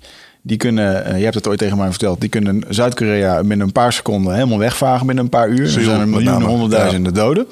Vervolgens zal Amerika, die moet het eerste eh, werk gaan doen met, eh, via de air, hè, via vliegtuigen. Dus kunnen ze het mee afhouden. Vervolgens moeten er schepen heen, duurt ongeveer vier tot vijf dagen. En Noord-Korea, die heeft als land zijnde maar voor drie weken voorraad. Heeft wel het vier na grootste leger van de wereld. Maar ze hebben maar drie weken voorraad om te overleven. Daarna moeten ze zelf van het land leren leven. Dat gaat nooit met al die mensen. Zeker niet als ze in oorlog zijn. Dus eigenlijk is het lontje gewoon op na drie weken. En als je niks meer te verliezen hebt en Amerika komt met het hele geweld op je af, en je weet dat, hey, wat rest er dan nog om die laatste knop in te duwen dat, eh, dat de rest van de wereld Oh, dat je die atoomwapens toch afschiet. Ja. Ja, ja, je- 100%. Dat is een horrorscenario als het gaat om eh, Noord-Korea. Toch zou ik me niet, niet erop kijken als er dan plots laserstralen uit de ruimte komen om dat ding kapot te kunnen schieten. Ze al die tijd stiekem toch hebben doorgewerkt aan Star Wars. Maar Ja, maar dan zou eh, hij het weten. Ik zeg niks. Nee, de kans is achter klein, maar ja, ik weet, ik weet natuurlijk niet alles. Dus dat, dat, zou, ik kan het ook niet uitsluiten. Nee. ik acht die kans klein. Ja. Hey, en nu als je kijkt naar space travel, want je krijgt natuurlijk Ja. de, de commerciële jongens, volgens mij Michiel Mol in Nederland is ermee bezig om een soort ruimtetoerisme neer te zetten. Ja. Ook goed voor onderzoek en zo. Ben je al een keertje uitgenodigd door jouw eh, interne kring om eh, binnenkort een keer eh, eh, naar de ruimte te... Nog niet. Ik wil het wel heel graag doen. Eh, ik ben natuurlijk van, van, ik ben, ik weet niet of iedereen dat weet, maar ik ben vernoemd eh, door mijn ouders naar Yuri Gagarin. Dus in die zin was het ook wel, wel bijzonder bij, om de NASA natuurlijk te werken afgelopen 7, 8 jaar op het campus. Bij Singularity University en ook de NASA-training te hebben gevolgd. Ik heb acht minuten mogen vliegen. Via Zero Gravity van Peter Diamandis is een start-up om, zeg maar, om gewichtloosheid te ervaren, die parabolic flights. ging dat goed? Ja, nou, ik, vond, ja ik, vond, ik vond het waanzinnig. Ik raad het iedereen aan. Het is niet zo duur trouwens, dus het is goed betaalbaar. Wa- Wat is een, eh, waar moet je aan denken? Nou, de normale prijs was toen eh 6000 dollar, maar ik kon het toen iets goedkoper doen. Ik geloof voor 3.500 dollar. Maar het zal wel democratiseren, denk ik, naar eh, een paar duizend de komende jaren. Eindbaas experience. De, ja, Ja, de ruimte, eh, volgens mij die ruimtevluchten schatten ze uiteindelijk. Nu is het nog een, om te reserveren kost het een ton volgens mij. Maar ja, uiteindelijk kun je straks voor een paar duizend euro gewoon een paar Ja. eh, Ja, minuten in de ja. ruimte hangen. Zeker denk, weten. Ja, 10, 15 jaar. Ja, Ja. precies. Hoe hoog ben jij geweest? Eh, hoe hoog? Dat weet ik niet meer precies. Even kijken hoor. Hey eindbaas luisteraar, dankjewel dat je zit te luisteren naar deze podcast. Ik onderbreek hem eventjes voor een hele belangrijke boodschap. Of misschien liever gezegd een uitnodiging. Want op 24, 25 en 26 mei, dan is er weer een nieuwe editie van Rite of Passage. Dat is mijn retreat voor persoonlijke ontwikkeling. En speciaal voor de mensen die op zoek zijn naar, ja, naar helderheid. Of dat ze lastig bij hun gevoel kunnen komen. Dat ze moeilijke beslissingen moeten maken. En dat ze zo ontzettend in hun hoofd zitten ja, dat ze er eigenlijk gewoon niet meer goed uitkomen. Of dat ze misschien al heel lang in een, ja, een soort van oud gevoel zitten. Dat ze dat gevoel willen transformeren. Of misschien wil je gewoon een oud stuk achter je laten. Ergens een punt achter zetten. En ja, zoek je misschien heling op iets wat, wat je te lang hebt weggeduwd of, of hebt vermeden. Daarvoor wil ik je uitnodigen op 24, 25 en 26 mei om in een retreat mee te doen waar de inhoud van het programma geheim is. Waar de belofte is dat het oncomfortabel wordt. Want jij begrijpt als geen ander dat als je die volgende stap wilt maken, ja, dan zul je uit de comfortzone moeten komen. En ik garandeer je, laat mij dat proces begeleiden met jou voor drie dagen. En je leven zal daarna nooit meer hetzelfde zijn. Gemiddeld beoordelen de deelnemers het met een 9,2. En daar ben ik ontzettend trots op. Er is ook een money back guarantee. Heb je de drie dagen vol, volbracht en vind je het niks, krijg je gewoon je geld terug. Dus het enige risico wat er is, is dat je gelukkiger kan worden. Ik zie je op Bride of Passage. Ga naar wichertmeerman.nl en klik op Retreat. Dat weet ik niet meer precies. Moet ik even... Ja, Wat de truc is met die, met die vluchten, ze gaan hoog Ja, en dan gaan ja, ze recht naar beneden, toch? Hoe het ze maar werkt. Dus je, nou, het, is, het is heel, ja, het is sowieso super spannend. En je krijgt echt wel een flinke training. En je kunt ook overgeven natuurlijk. Ja, daarom is vroeg ik, hoe ging het? Ja. Dus ja, je moet gewoon echt aan de regels houden. Dus geen gekke dingen doen tevoren eten en drinken. En gewoon aan de regels houden. Nou, wat er gebeurt, maar, je gaat dus in parabolische vluchten. Dus zeg maar, als je op de piek zit, ja, dan, dan je ligt dus op de grond en dan, dan ga je ineens omhoog. Hè, dus, en, en dat duurt dan 30 seconden. En dan, eh, ja, dan ga je weer omlaag, et cetera. Dus- Ja, ja, ja. ja, maar dit, dit- het is zo'n eh, bizarre ervaring. Omdat je dus voor het eerst in je leven kun je vliegen. Ja, Hè? Dat- Dus dan zie je ook iedereen die ogen. Ja, dat is gewoon kinderlijk. Alsof je geboren wordt. Zo moet je het echt zien. Hè? Gewoon letterlijk. Gewoon, je, je zit in een hele andere wereld. Want je hebt gaat van 3, 3D naar 4D. Omdat Ja. je, er kan, je kunt vliegen. Hè? Dat, dat is niet te bevatten. Dus ja, dan zie je ook gewoon... Je kunt ook niet denken. Hè? Dat is, dat het ultieme geluk, vind ik. dat je niet kunt denken. Dit is zo mind-blowing. Dan zie je, nou, ik heb een video, foto's van, dan zie je die ogen zo, nou, wel... Of je, ik weet niet wat Jezus hebt gezien, maar... Maar je zegt het is als een het kind. is een hele bijzondere ervaring. Want ik heb ook naar alle dingen opgeschreven hoe ik het ervaren heb eh, die dagen daarna. Het geeft een enorme boost aan je creativiteit. Omdat je eigenlijk wat je doet is ja, grenzen die je voor jezelf had, had gedefinieerd, die heb je doorbroken. En dat heeft ook in- impact op de hokjes in je, in je denken. Je gaat echt anders denken over de werkelijkheid. Je hebt je hele referentiekader Ja. op, op de kop gezet. Ja. Ja, ja. dus, dat is echt te gek. Dus ik raad iedereen aan, zeker creatieve mensen. Doe het één keer in je leven. Ik ga het met mijn kinderen doen binnenkort, als ze er eh, uit genoeg voor zijn. Waar kun je dit doen? Eh, nou, in Amerika, op meerdere plekken. Ja, ook in Californië, of tenminste in Californië heb ik het gedaan. Gaan we doen, eindbaas uit. Ja, man. Zero gravity. Ik zie wel wat je zegt, als kind zijn heb je ook geen referentiekader. En dat, die Ja, zit precies. ook heel erg Ja. aan zijn eigen handen te kijken. En als je dan op een gegeven moment inderdaad, wow, je kan vliegen. Dan eh, wordt er wel Ja. wat geprikkeld in je hersenen. Ja, en, en het is verslavend. Ik wil het nog één keer, eh, minimaal nog één keer doen. Dus jouw vraag te beantwoorden. Ja, ik zou, ik zou graag naar de ruimte willen gaan. Niet voor 100.000 euro. Dat vind ik weer iets te, te veel van het goede. Maar als het binnenkort normaler wordt, dan eh, ga ik het zeker doen. Ja. Ik ben nog niet gevraagd trouwens. De reden dat ik vraag, eh, vroeg eh, hoe hoog ben je gekomen? Je hebt niet uit het raam kunnen kijken en de aarde van een afstandje... Nee, Zo nee, kwam nee, hè? je, je, je moet je voorstellen, dit is, je, bent, je bent echt gespannen. Hè? Want je weet gewoon van, hey, je gaat iets heel bizars mee maken. Ja, dat geloof ik al. Dus je bent gewoon bezig om te overleven. Hè? Ook die eerste paar golven, zeg maar, ben je gewoon bezig om van sensemaking. hè. Het is zo disruptive, die ervaring, dat je gewoon bezig bent om te stabiliseren, om, om, om die nieuwe regels te ontdekken van dat vliegen. Hè? Van, ja. en daarna aan het einde heb je het wel redelijk onder controle. En, maar goed, dan stopte hij helaas. Maar, maar je, je zit niet in de, in de straaljager.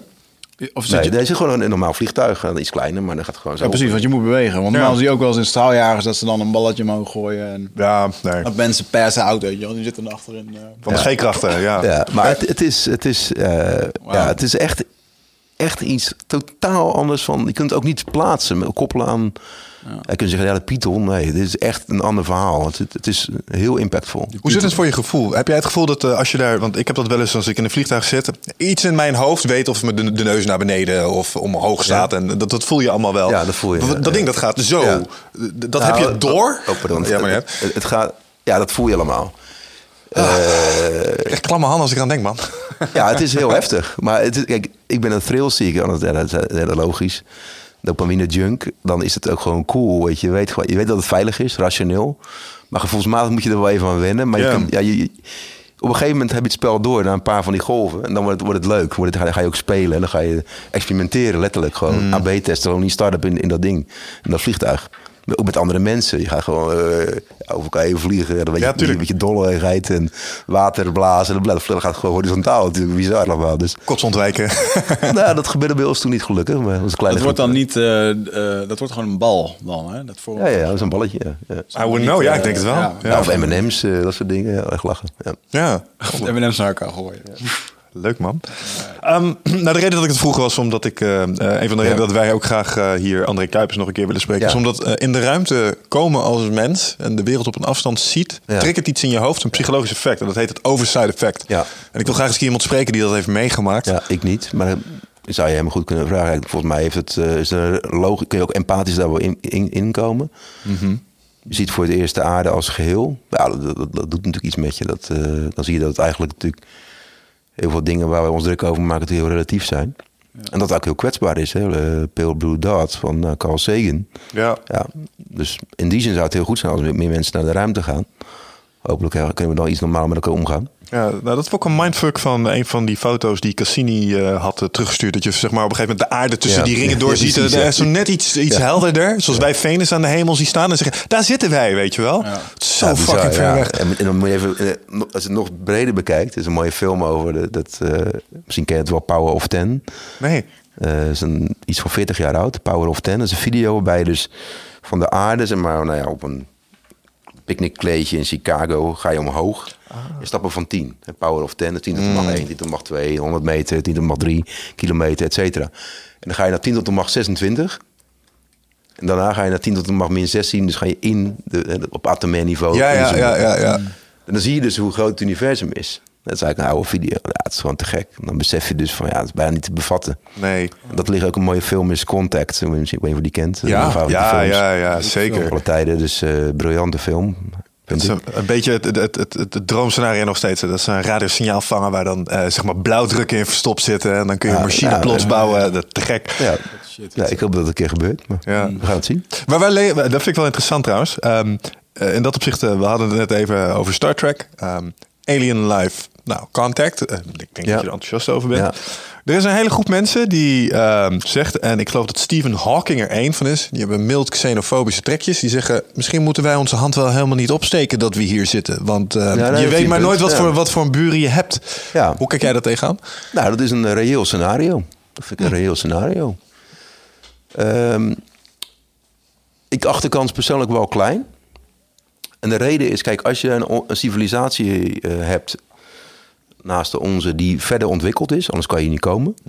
Dus even, je hebt natuurlijk twee stappen. Eén is het eh, signaal ontvangen en twee is er naartoe gaan. Dat is natuurlijk een veel groter probleem, ook technologisch. Als je al zo ver ontwikkeld bent technologisch, heb je waarschijnlijk al abundance op je eigen planeet. Dat vind ik een logische assumptie om te maken. Dus dan is misschien het, het waardesysteem redelijk positief eh, menselijk geworden, zeg maar. Dus minder agressief. Ja, schaarste creëert agressie. Dan kijk je naar het Midden-Oosten, onder andere. Eh, dus eh, als er overvloed is door technologie, dus, dus eigenlijk civilisatieontwikkeling, is de kans op eh, samenwerking open, dus, dus, eh, minder agressie groter.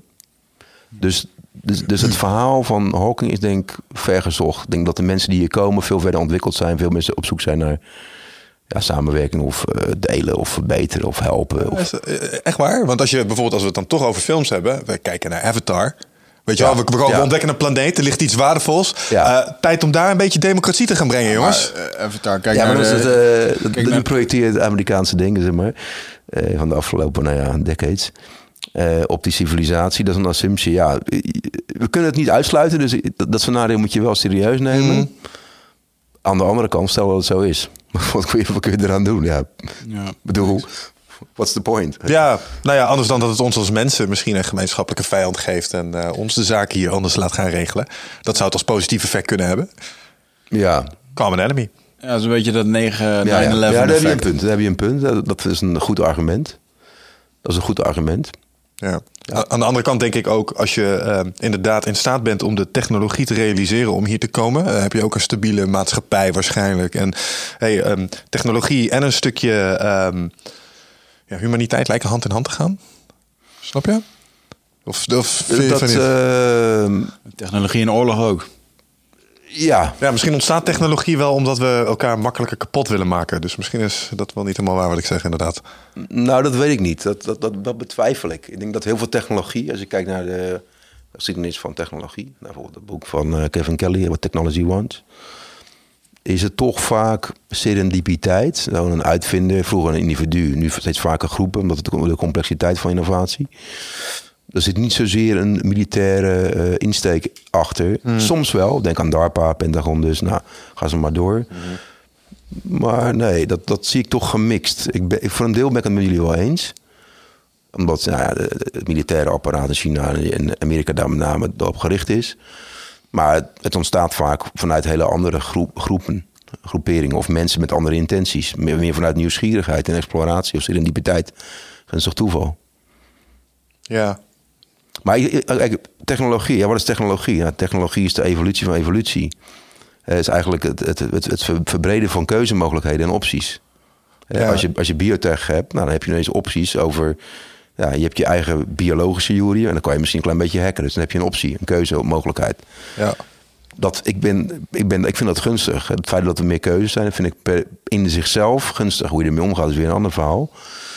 Technologie heeft, uiteindelijk ook veel goeds gebracht. In die zin zit ik meer in de lijn ook van Peter Diamandis van Abundance, een mooi boek vijf jaar geleden. Technologie is in de kern een manier om een schaarste om te zetten in een overvloed. En vervolgens krijgen we weer een, meerdere aanpalende nieuwe schaarstes en nieuwe vraagstukken en nieuwe problemen. Dus het blijft lekker doorgaan. Maar in de kern, zonne-energie leidt tot nou, bijvoorbeeld een overvloed aan energie binnen 15 jaar. Ja. Je hebt hebt massive open online courses, een overvloed aan onderwijs. Je hebt nu je smartphone, je hebt een overvloed aan informatie en communicatie. Dat is allemaal technologie, die waren vroeger schaar, die waren, die waren er niet. Dus wat je een schaarste op al die gebieden. Dus eigenlijk in die zin is technologie netto per saldo vaak positief. Hè, voor de mensheid, ook voor mensen in het algemeen.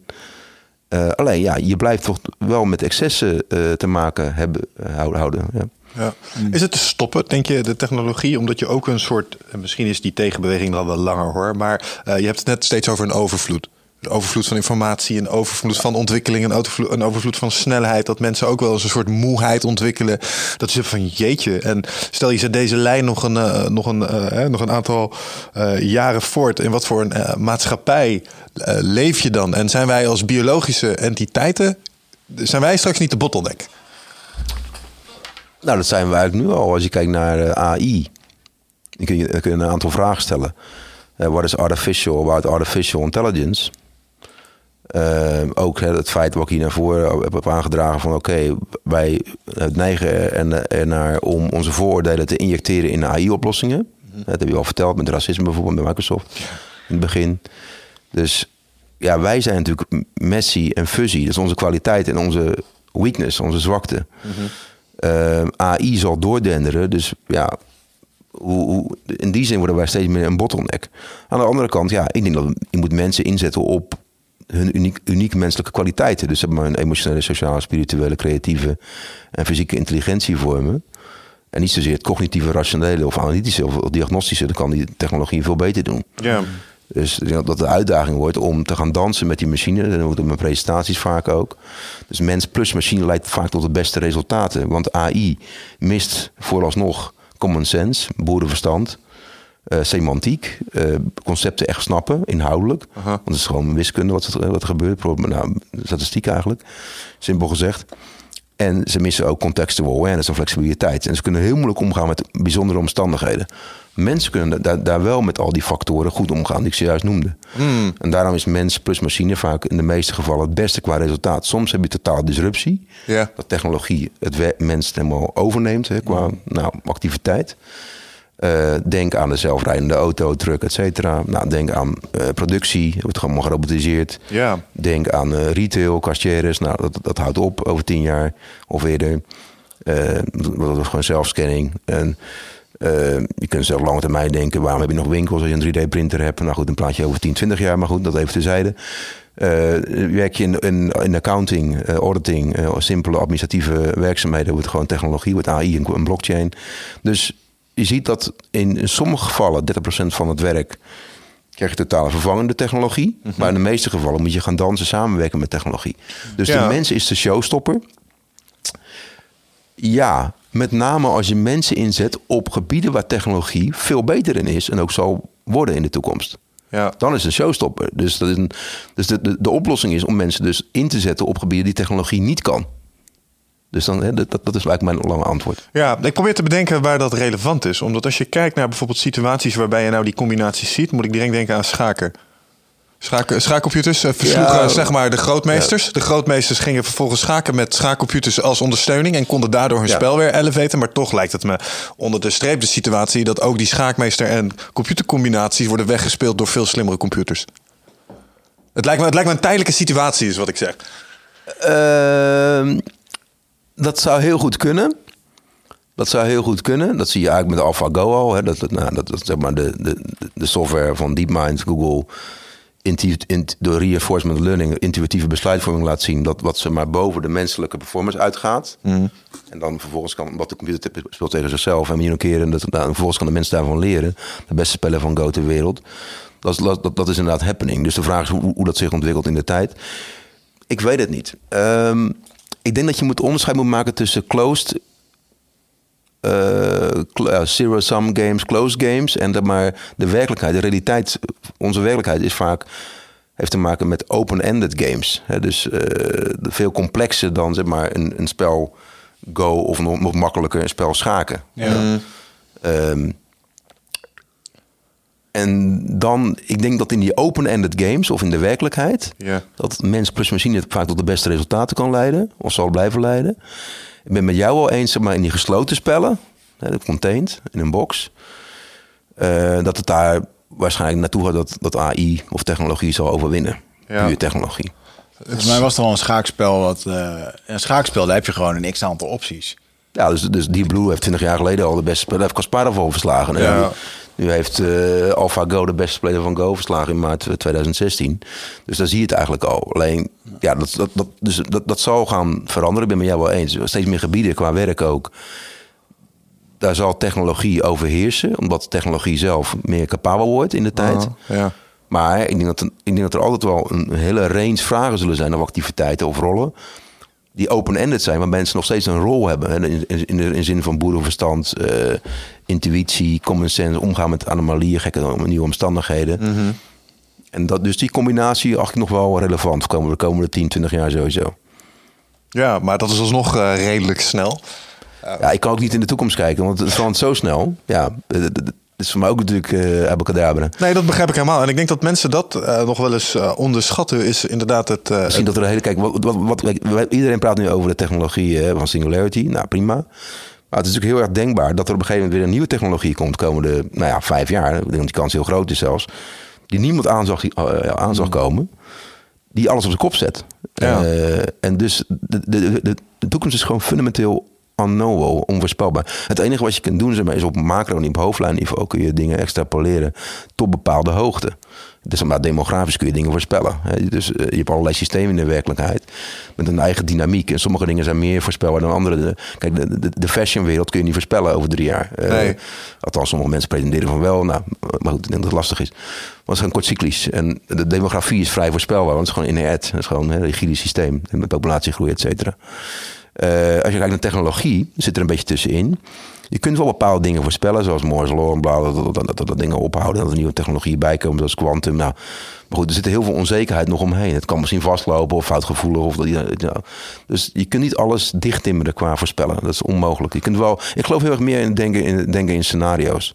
Ja, maar niet zo, ja, ik wou net zeggen, je kan niet zozeer voorspellen wat voor een exacte technologie er komt, maar dat er game changes zullen zijn. En dat die je leven op een manier gaan beïnvloeden die jij nu nog niet kunt voorspellen. Waarschijnlijk nog in onze levensspannen. Ja. Dat is iets, daar kun je van, van uitgaan. En ik denk dat een boel mensen eh, die beweging onderschatten. De boel mensen van, ook van mijn leeftijd, die denken, ah, het zal mijn tijd wel duren. Het is allemaal science fiction waar deze mensen het over hebben. Nee, weet je wel? het- het gaat dit, dit is van tv eh, ja. en eh, dit, dit, eh, weet Ja. je.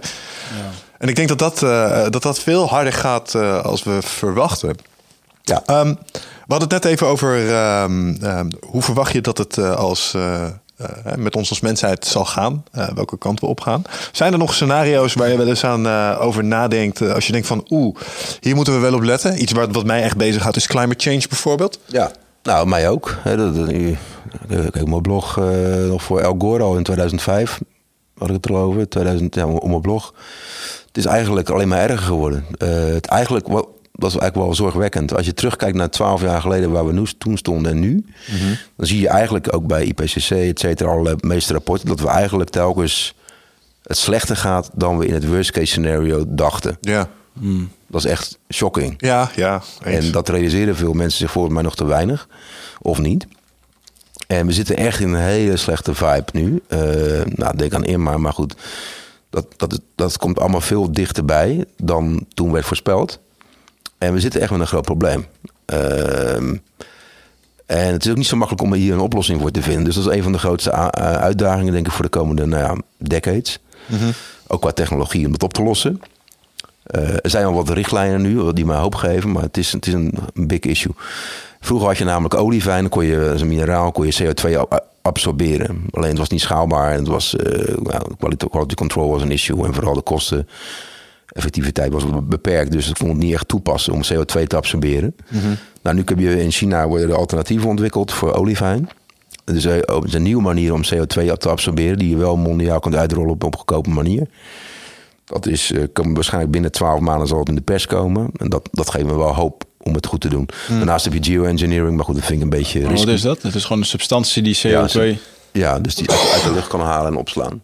Oké. Ja, dus, eh, maar dan moet je natuurlijk wel heel veel materiaal ontwikkelen. En Vooral samenwerken wereldwijd eh, om dit grote probleem op te lossen. Dat kun je niet in één land doen, alleen maar in China. Wat is jouw grootste zorg precies als het gaat om climate change dan? Want Nou, mijn de- grootste zorg is, kijk, ehm, je ziet nu dat er een convergentie, eh, ja, een perfect storm ontstaat van allerlei problemen tegelijk. Daar maak ik heel erg veel zorgen over.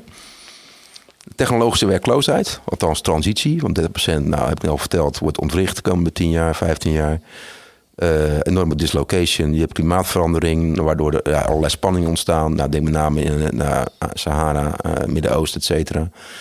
Daar gaan mensen migreren. eh, werkloosheid, migratie, conflicten, zingeving. eh, ja, eh, sociale cohesie binnen landen. nou, dat is echt een ding. Dus dat, dat, dat zal intensiveren, verwacht ik, die proble- problematiek.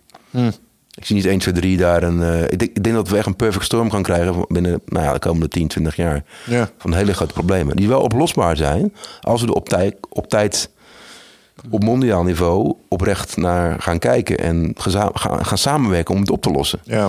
Mijn hoop was altijd dat we mede door technologische innovatie die problemen zouden tackelen. Mijn, mijn, mijn idee was altijd nu menselijk gedrag aanpassen om, de- om dit stil te zetten. Vergeet het maar. Je kan maar beter ervoor zorgen dat je technologie ontwikkelt die meer gemak gaat bieden. Ja. Neem bijvoorbeeld solar. Solar is, een- solar is een mooi voorbeeld. Eerst was het te duur. Nou is het Ja. rendabel. Nu gaat de halve wereld over op, Ja. op solar.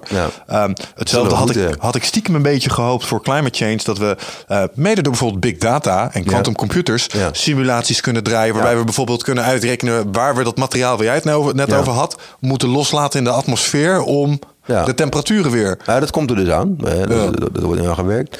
Alleen, het is, het is, het is, ja, het is een hard problem. hè. Laat het is op tijd zijn. Nou, het, probleem is dat je, om jouw vraag te- verder te beantwoorden, wat je nu dus ziet, je, je krijgt extreme weerfenomenen. Het zal, in, dat zal dan veel extremer worden, helaas. En, dat, en dan wordt het echt nasty. Dus dan praat je over overstromingen, eh enorme droogtes, impact op de voedselketen, wat we even vergeten te zeggen, heeft een enorme impact. Klimaatverandering, voedsel, nou, nog meer migratie. eh, nou, dat zijn echt eh, tough problems.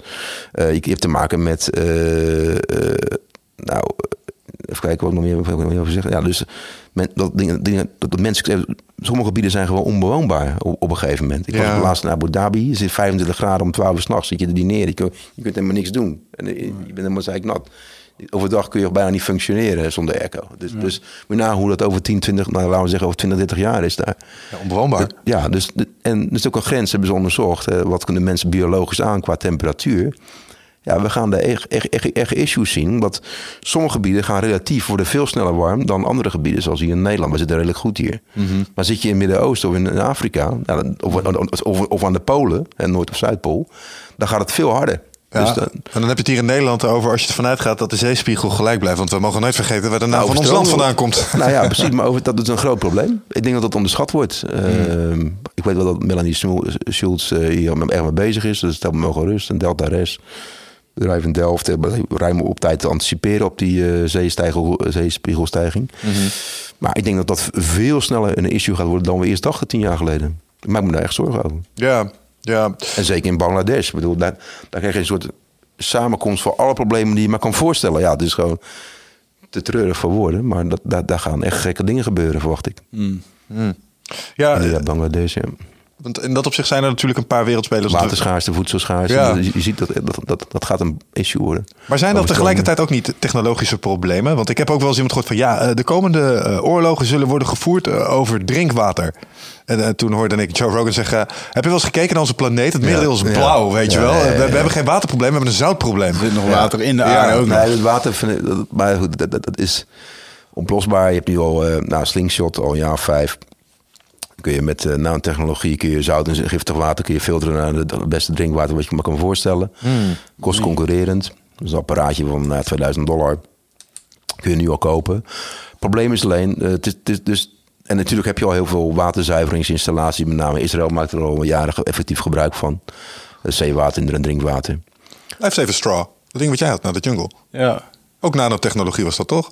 Ja. Eh, ja, dat gaat ook met... eh, Nou, je hebt op meerdere ja, manieren. Je hebt, je osmosis, reverse osmosis en je hebt nanotechnologie, nanopores. Kun je het gaan filteren. Dus die membranen die dan het zout tegenhouden of, of die tox- toxins. En het water gaat er doorheen. Eh, dus dat is er al beschikbaar. Alleen je hebt te maken met twee dingen.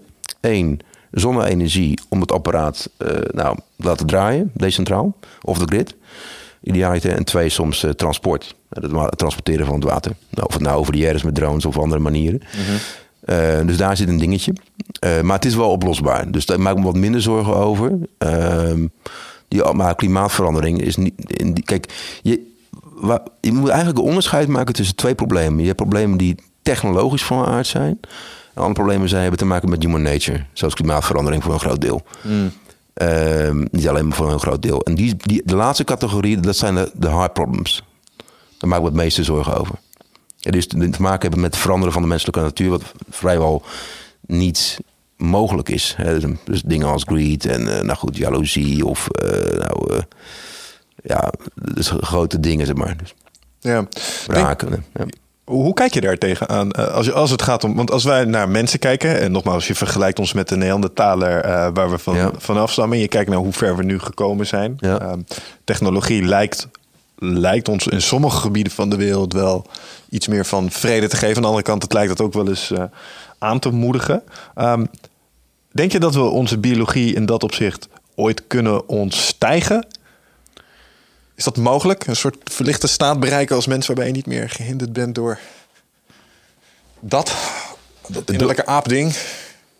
Ehm, Oké, dus ja, dan moet je even kijken naar de, de reptaalbrain, de amygdala en de neocortex. Dus dat onderscheid en die stappen en die volgorde. Dan vraag je of je de reptaalbrain, ja, die zou je wel ook enigszins kunnen hacken, denk ik. Maar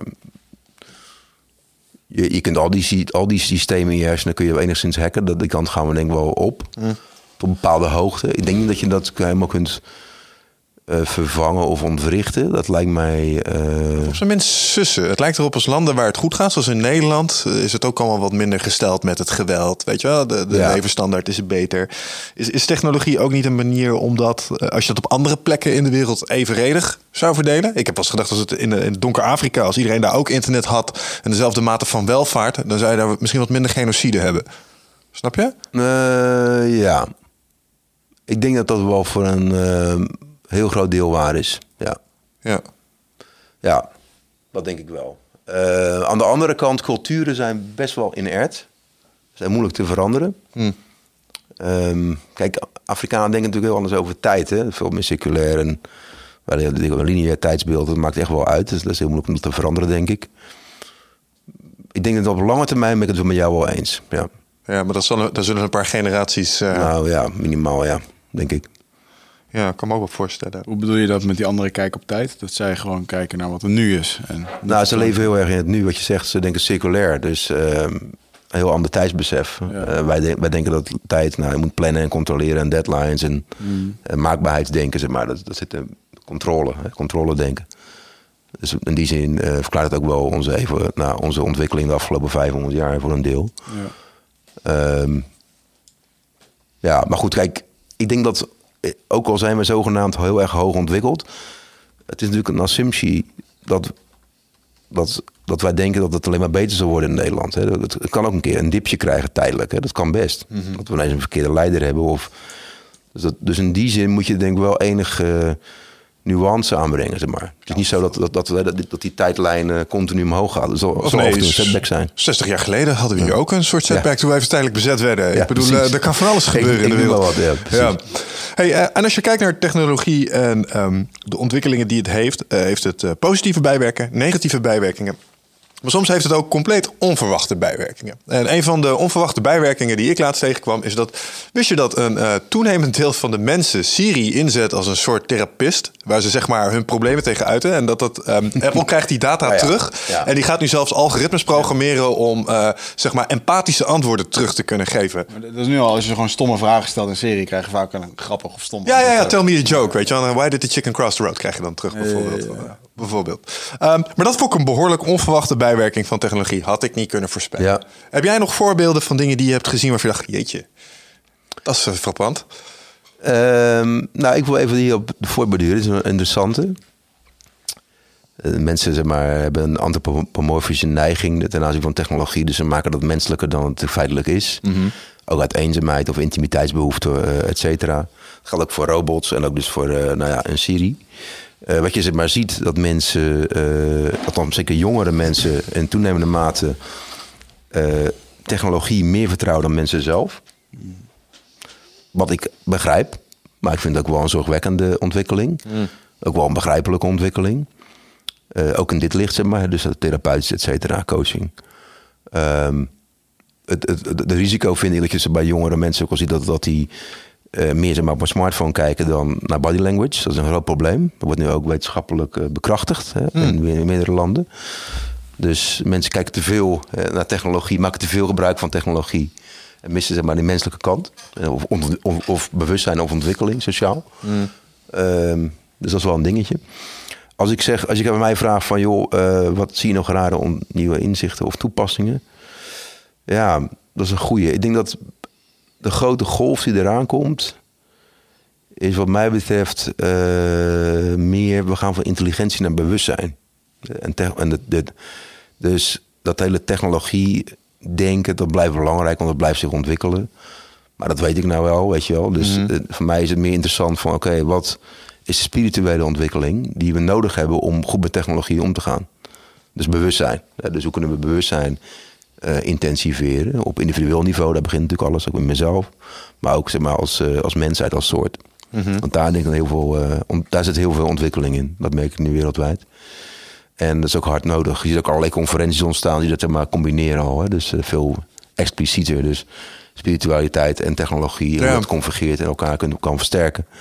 Dus daar zit denk ik een enorme verandering. Qua technologie zelf. Met name licht en water. En water, weet niet of dat bekend is. Maar je hebt eh, H2O is gewoon water. Je hebt ook een speciaal soort water.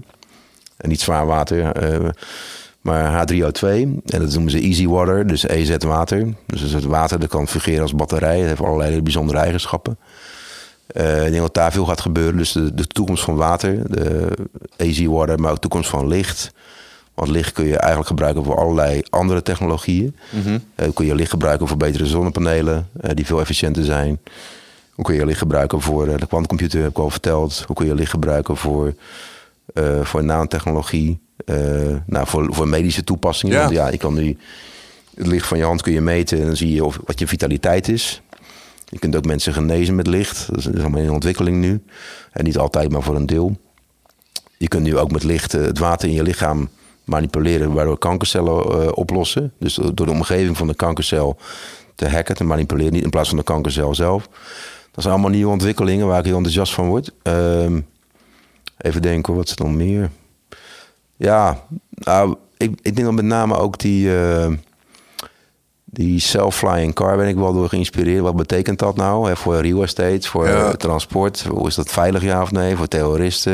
Eh, komt Dat- dat, überhaupt wel? Hè? Gaat dat door of niet? Dat ding moeten ze niet gaan behandelen als een auto wat je zelf mag besturen. Dat ding moet gevlogen worden door een computer. Ja, en, precies. en dat moeten ze niet eh, jezelf achter de knoppen laten zitten. Dat lijkt me heel onverstandig. Ja, precies. Maar ergens wat ik al zei, zelfs die self-flying car of die drone, die e-hang in China die al twee jaar besta- bestaat, die wordt toch ergens door mensen geïnitieerd of eh, bestuurd of in ieder geval gecodeerd. En ja, hoe gaan we dat dicht timmeren? Dat lijkt me wel een dingetje. Eh, nou, ik ben met name bezig, minder, van, minder, minder technologie de laatste tijd, meer op eh, nou, mijn boek Exponentiële Organisatie, toekomst van werk, werk werkloosheid, basisinkomen, eh, toekomst van, van taken, van rollen, van, van organisaties. Hè. Hoe ziet dat, dat, dat eruit? Er speelt technologie natuurlijk wel een grote rol. Ja.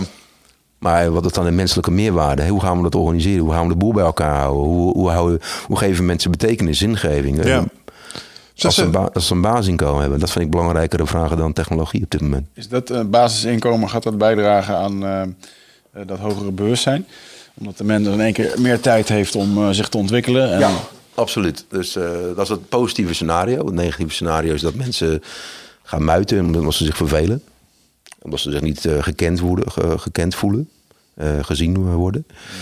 Eh, het voordeel is, wat ik verwacht, en daar stuur ik ook op, eh, met allerlei initiatieven. Een daarvan kan ik zo misschien nog wel toelichten.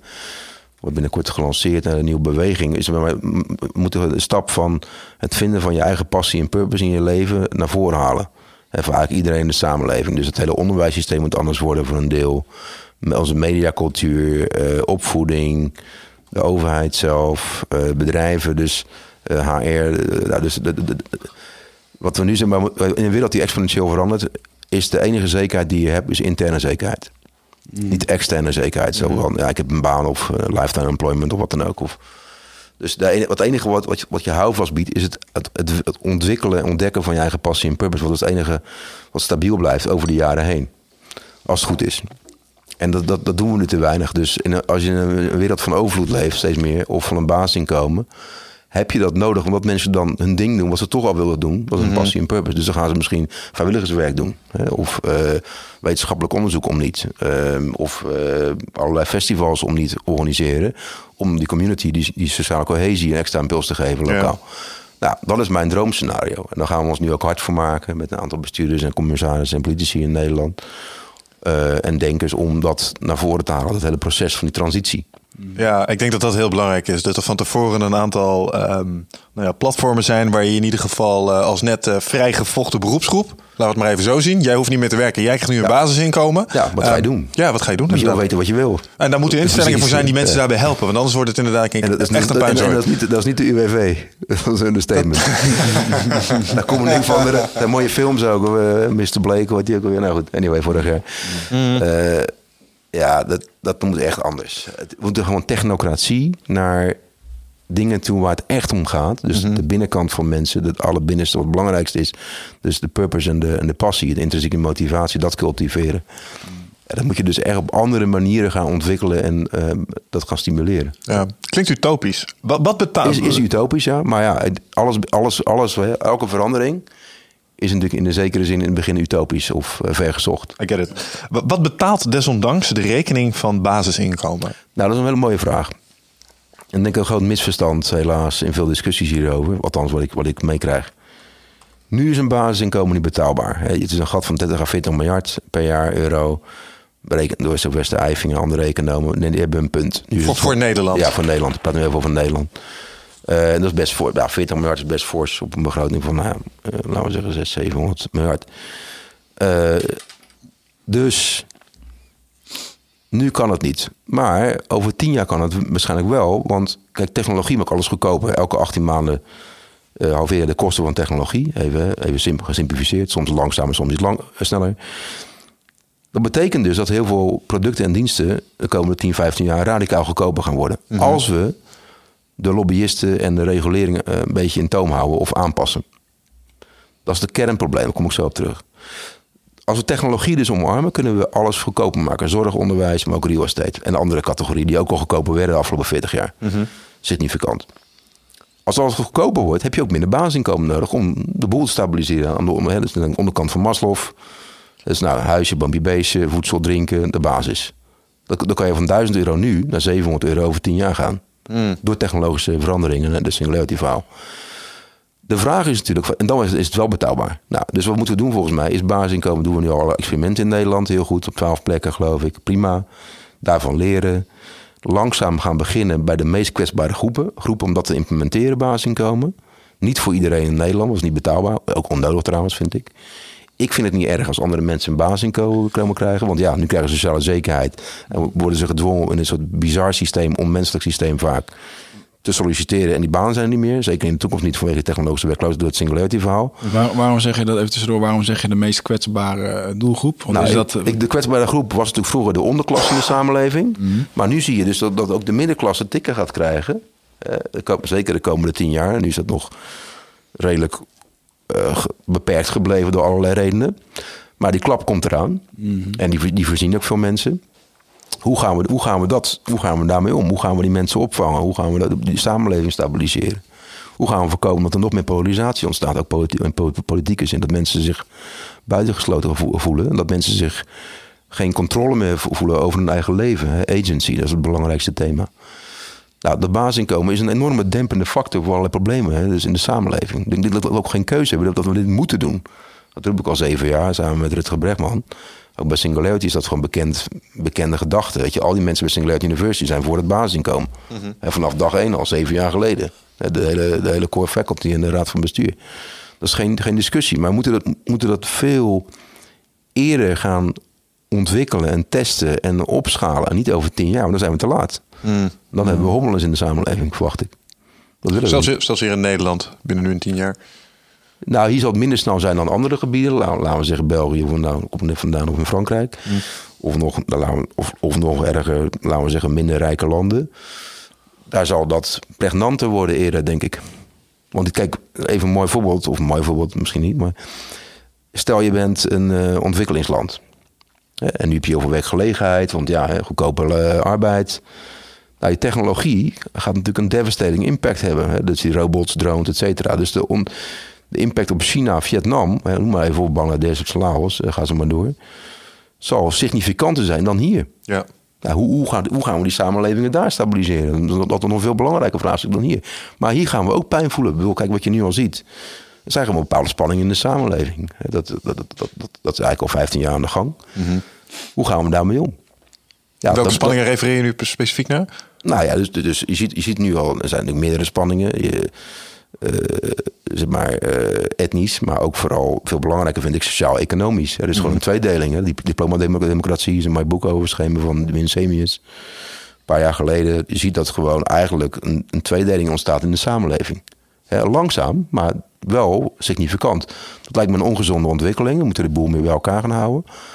Uh, en daar kan technologie een goede rol in spelen en zeker een basis in komen. Maar vooral zingeving. Hoe gaan we mensen weer een functie geven in de samenleving. We kunnen de hele dag Netflix kijken, prima, of VR. Of uh, psychedelica, waar je net dan over in het begin over begon. Maar mhm. voordat we de uitzending begonnen. Maar dat lijkt me ook niet helemaal uh, de oplossing. Dus hoe gaan we mensen, uh, hè, dat, dat mensen op hun niveau uh, lokaal in de straat zin, uh, belangrijk werk kunnen doen. Hè? Vertical farming bijvoorbeeld. Of uh, festivals organiseren op, op een niveau. En gewoon zingeving. Ze moeten waarde hebben. Vrijwilligerswerk. Hè? Ja. Dan gewoon met, kijk, ik, wil, ik heb zelf ook heel veel vrijwilligerswerk gedaan afgelopen tien jaar. Misschien om de helft van mijn tijd onbetaald. Hè, allerlei events, community, noem maar op. Vond ik hartstikke leuk om te doen. Waarom? Omdat je er heel veel immateriële dingen voor terugkrijgt. Dus we moeten eigenlijk vrijwilligerswerk noodzakelijkerwijs ook, maar ook vanuit inhoud vind ik, vanuit ethiek, gaan veel meer gaan waarderen. Gewoon mensen die echt ja, heel veel tijd aan in stoppen, die kun je ook belonen of een keer, eh, ja, een keer in het zonnetje zetten of hè, eh, gezien worden. Of, het zou mooi zijn om een soort... veel, veel winnen, denk ik. Ja. nee, het zou mooi zijn om een soort militaire dienstplicht te, te creëren, maar dan omtrent vrijwilligerswerk. Ja. Als je 18 bent, dat je gewoon met je poot in de klei gaat staan ergens. En uh, ja. Zeker nog, ik vind dat niet eens onredelijk. Als wij vanaf nu, je bent nu 18, je bent volwassen. We betalen nu tot het eind van je leven uh, je, je eten en je onderdak. Je krijgt gewoon van, de, krijg je van ons als uh, maatschappij gaan we dat betalen. Dan vind ik dat je op zijn minst iets terug mag doen. Ja. En ik vind, dat vind ik ook wel interessant aan de connectie met technologie en spiritualiteit die je zojuist mm. aanhaalde. Want als je kijkt naar hoe technologie voorheen is ingezet, is het om een marktvoordeel te behalen en om competitie te verslaan en om uh, naar, de, naar, de, naar de top van de dominantiehierarchie te klimmen waar je op dat moment uh, in begeeft. En wat je nu ziet is dat er een soort omslagpunt is ontstaan waarbij er een surplus is gegenereerd die wordt teruggegeven waardoor er plots altruïsme kan ontstaan. Want zo ineens een hele groep, uh, kwetsbare groep, uh, onder je hoede nemen. En het gewoon met z'n allen oké vinden. Ja, dat, dat is volgens mij goedheid, als je dat met z'n allen kunt doen. En daar ook achter staan. Hè? Ja, en daar is uh, een mooie link naar mijn boek. Hè. We, we praten over purpose-driven organizations, massive transformative purpose. En wat je dus ziet, en het geeft mij heel veel hoop. Is dat ook grote bedrijven nu meer verantwoordelijkheid pakken. Niet alleen Unilever of DSM qua duurzaamheid, maar ook veel breder. Nou, een paar voorbeelden is voor mijn cliënten de afgelopen drie jaar je hebt nu bijvoorbeeld een bedrijf uh, in Europa, die, die, dat is een van de leiders op het gebied van duurzame energie. Mm -hmm. Die hebben soms een overcapaciteit aan zonne-energie, wind, et cetera. Wat doe je met die energie? Nou, toen, wat je, er is nu een trend om de abundance, de overvloed aan bepaalde resources die je hebt of diensten, om die gratis of voor een hele lage fee ter beschikking te stellen aan de onderkant van de samenleving. Mm -hmm. Ja, dan zeggen de mensen, ja, wacht even, dat is, dat is discriminatie van ten aanzien van je mensen die wel normaal betalen. Ja. Maar dat is een assumptie. Want ik zie dus juist ook in mezelf, maar ook in mijn omgeving, steeds me de, realisatie van ja, dit is oké. En ik sta hier zelfs achter. Zeker nog, dit soort partijen zijn gewoon winning. En die, gaan, die krijgen zo'n uh, emotionele meerwaarde voor hun bestaande klanten. Dat het ook qua business veel beter is voor, voor deze uh, organisaties. En maatschappelijk veel beter is. Mhm. Dus dat zie je met verzekeringen ook ontstaan. En ook mobiele telecomproviders die dan stiekem in veel gevallen nu, uh, soms, soms openbaar, hun abundance, een overvloed aan wat ze hebben, gratis doneren aan de onderkant van de samenleving om de boel te stabiliseren. Nou, dat, dat, dat is de toekomst. Bijvoorbeeld vind ik ook, was Nieuw-Zeeland in, in februari, een paar lezingen. Er was een uh, start-up wat mij echt ontroerde, vond ik echt te gek. Dat heet eatmylunch.com. Uh, of mensen in, Nieuw-Zeeland, maar niet.com. Maar dit, dit is een, een website. Dan kan je zeg maar een of, je of een plek kan je lunch kopen voor jezelf, een goede gezonde lunch. En dan kun je het vervolgens ook doneren aan iemand die het niet kan betalen in het school, in het school van morgen. Oh. Iemand die heel arm is. Nou, dat vind ik te gek. Dus dat zie- dat zie je ook met, ook met Thomas en Bobby Parker. hè, Met, met, met, met brillen en met schoenen. Je koopt iets en je doneert hetzelfde aan iemand anders die niet kan betalen in Afrika of in, in het eigen land. Nou, dus die trend, en dat zijn een miljarden bedrijven nu, hè, qua, dat, dat, dat, dat wordt het nieuwe normaal. Hè, Binnenkort, als je alleen maar bezig bent met aandeelhouderswaarde of geld verdienen, dan, dan word je gewoon minder geselecteerd. Zeker de jongere mensen. Omdat ja, het gaat om die purposes. Hè, de boel stabiliseren, de wereld verbeteren, de boel bij elkaar houden. Ja, en dat geloof ik. eh, so- Sorry, een klein beetje cynisch worden. Dat geloof ik voor de bedrijven die het eh, heimelijk doen. Maar ik geloof dat er nu ook wel een paar clubs zijn soms die dit een beetje, klein beetje gebruiken als marketing. Absoluut. En dat vind ik op zich niet een ramp. Eh, dan ga je, nou dan gaan we heel erg de type van een leuk onderwerp dit. Je hebt ze maar CSR, MVO op de oude manier. Dus com- cosmetisch, we gaan iets goed doen. Dat is dan meer een trucje. marinistisch, dat, dat, dat- daar heb ik het hier niet over. Ik heb het hier over bedrijven die echt een pure intentie hebben. Hè, dus de authentieke passie en purpose. Nou, vind ik een Paul Polman qua Unilever een interessante. eh, qua duurzaamheid. Maar ook zeg maar, dat iedereen in de organisatie daarin meegaat. eh, Dezelfde intentie heeft. Dus het is geen marketingplooi. Want een- een- dat- kijk, een marketingtrucje, dan is het... Ja, eh, mensen prikken daar ook doorheen. En dat is ook heel tijdelijk, heel, heel kortstondig. Terwijl deze bedrijven, die- het, het zit helemaal in, die, in het DNA van het Ja, bedrijf. ja, ja, ja. En dat voel je ook in alle uitingen. In corporate communicatie, de marketing, sales, service, in de HR. Hoe ze mensen aannemen is totaal anders. Ja, dat is fascinerend. Dat geeft me heel veel hoop. Het is nog klein, hè? je praat hier over 6% van de, eh de install base van bedrijven die dit zeg maar omarmen. Maar het groeit hard. Ja, en als het exponentieel gaat, dan is het misschien over twee jaar ze- 12 en dan 24. hè. Even een droomscenario, maar het zal waarschijnlijk iets langer duren. Maar ik, denk, ik, ben, daar- ik ben daar heel opt- optimistisch over. Is het wel een onderdeel van, je, eh, van de strategie die je aanbeveelt bij exponentiële Ja, organisaties? Ja, ja, we hebben een keer geluisterd naar een podcast die we als basis hebben gebruikt voor Nutrofit. We hebben een supplementenwebshop. We proberen daar ook een charitable mission in te hebben. Want die gasten zeiden dat is echt een van de cruciale factoren in ons succes geweest. Dat wij op een gegeven moment een, eh, iets hebben uitgekozen waar we met z'n allen echt achter stonden. Daar zijn we voor gegaan en we hebben geprobeerd dat te verbeteren eh, door ons bedrijf ook heel goed te laten zijn. Dus wij, wij pakken een issue en wij doneren iets van alles wat we verkopen naartoe. Maar daar staan we ook echt achter en daar geloven we ook echt in. Zij gaven aan dat dat een van de cruciale doorslaggevende factoren was geweest in hun succes. Hoe kijk jij daar, daar, daar ten opzichte van groei als je kijkt naar exponentiële groei van organisaties? Nou, laat ik het zo zeggen. Er is niet zeg maar een, een, een gouden formule, want daar geloof ik niet, want alles tijdelijk is en alles evolueert en dynamisch is. Maar wat je dus maar ziet, is dat de meeste exponentiële organisaties vanaf dag één of iets later een hoger doel hebben om de wereld te verbeteren. En soms gaan ze daar eh, eh, in, in tegen mee om. Uber is natuurlijk een slecht voorbeeld. Het is een exponentiële organisatie, maar ja, die heeft ook heel veel fouten gemaakt. Terwijl ze wel de potentie hadden om een hele goede purpose in te vullen. Ik heb even wat Uber-drama gemist, denk ik. Wat hebben ze ver, Nou, verpest? Uber heeft, ja, het bestuur heeft zich vrij, of de, de- de- die cultuur is enigszins eh, ja, discutabel hè, ten, aanzien, ten aanzien van vrouwen of hoe ze Ah, de, de taxichauffeurs behandelen of het businessmodel zelf, het uitknijpen. Er zitten een aantal eh, haken en ogen aan. Terwijl, dat is, een- gemiste kans. Terwijl eh, Airbnb dat veel beter doet. Maar Uber had gewoon een hele goede purpose kunnen ontwikkelen en volhouden. Om zeg maar, de, de wereld eh, veel duurzamer te maken. Via een oplossing, noem maar even wat. Dus, maar wat we over het algemeen even uitzoeken. Kijk, de, de meeste exponentiële organisaties die hebben wel een hoger doel. En dat, dat, dat, het voordeel daarvan is dat je dus veel, dan heb je een power of pool effect. Dus de beste mensen komen naar jou toe. Werknemers, klanten en partners. Dus je hebt veel lagere transactiekosten, businessvoordeel. Je hebt meer lo- loyaliteit, meer retentie, minder verloop. Dus je hebt ook meer social media impact. Mensen praten over je merk. Dus je hebt ook qua PR, marketing heel veel voordelen. Dus je hebt wat extra inkomsten genereert. Dus je hebt ook eigenlijk ook qua business is het heel slim. Dat is ook een feitelijk trouwens aantoonbaar nu. Als je dat wil weten, kan ik een paar voorbeelden geven zo meteen in de praktijk. Bijvoorbeeld bij Unilever eh, recentelijk. En eh, daarnaast is het, is, het, gewoon het goede ding om te doen. Eh, gewoon altruïsme, ho- hoge doel denken. Wat laat je achter als je, als je dood bent? Op dat niveau praten we natuurlijk op een gegeven moment ook. Hè, van, nou, wat, wat, wat, wat doet er nou echt toe? Niet hoeveel geld je hebt. Dat is natuurlijk flauwekul. Wat laat je achter? Dat is belangrijk. Nou, dat zie je eigenlijk dat dus veel meer bewustzijn bij jong, jongere start-ups om dat te omarmen. En eh, het mooie van zo'n purpose is ook, dat, dat is de lijm van je organisatie. Je houdt de boel bij elkaar met nieuwe en bestaande werknemers. Als, als je exponentieel groeit, is die lijm heel functioneel. Heel belangrijk, no- no- noodzakelijk. Ja. Het is ook lange termijn kompas van je organisatie. Ja, dus het is geen kaart, maar het is een kompas. Het is de guiding star. En Vroeger had je een strategisch document. hè, De komende vijf jaar gaan we die kant op. En een vijf jaar operationeel plan. Nou, dan kun je allemaal in de prullenbak gooien. En alles verandert veel te snel. Nu heb je die purpose nodig als lange termijn focuspunt. Ja. Dat is het enige wat, wat, wat je nog bij elkaar houdt.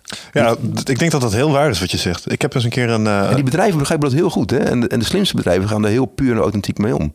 Niet als marketingplooien, dat is echt over. Daar prikken je millennials gelijk doorheen, de jonge mensen. Ja, want terecht. want het gebeurt echt. Want je kan nog, eh, als, als wij als Nutrofit, als wij nu gaan groeien en eh, het, het eerste paar jaar en de eerste 100 medewerkers houden we misschien onze visie nog wel op de korrel bij die mensen of op de radar. Maar ga je naar de duizend mensen, dan is het zo moeilijk om dat originele gedachtegoed nog eh, op de kaart te houden bij die mensen. Dat verwatert snel. Dus ik kan me wel voorstellen dat als je iedereen op dezelfde manier over hoe jij als organisatie zaken doet wil laten denken, dat je daar ja, vanaf dag één in ieder geval een soort rode draad in moet uittekenen. Ja, Ja, dat dat- is zeker nog dat is stap 1. Als je dat op orde hebt, kun je de rest ook makkelijk implementeren. En Dingen als zelfsturende teams of lean startup wordt makkelijker. Of eh, community en crowdsourcing Hmm. wordt veel makkelijker. Of staal van iemand.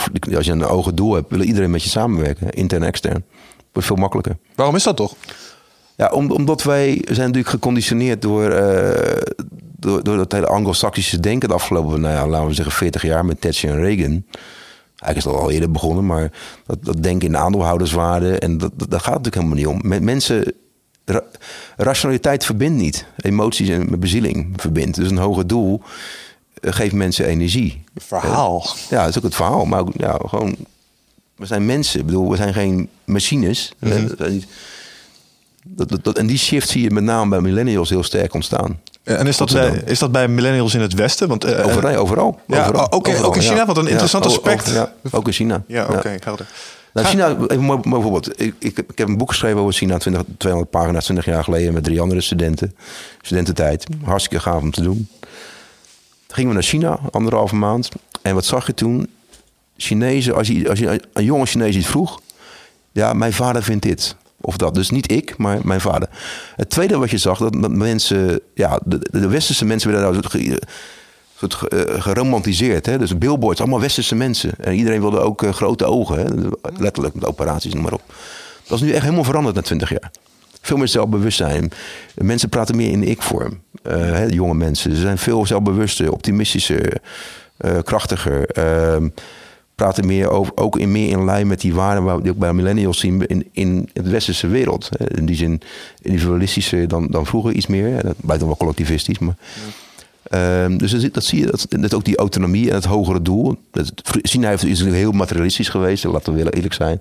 De laatste twintig jaar extreem materialistisch. Als overcompensatie voor het verleden, begrijpelijke inhaalslag.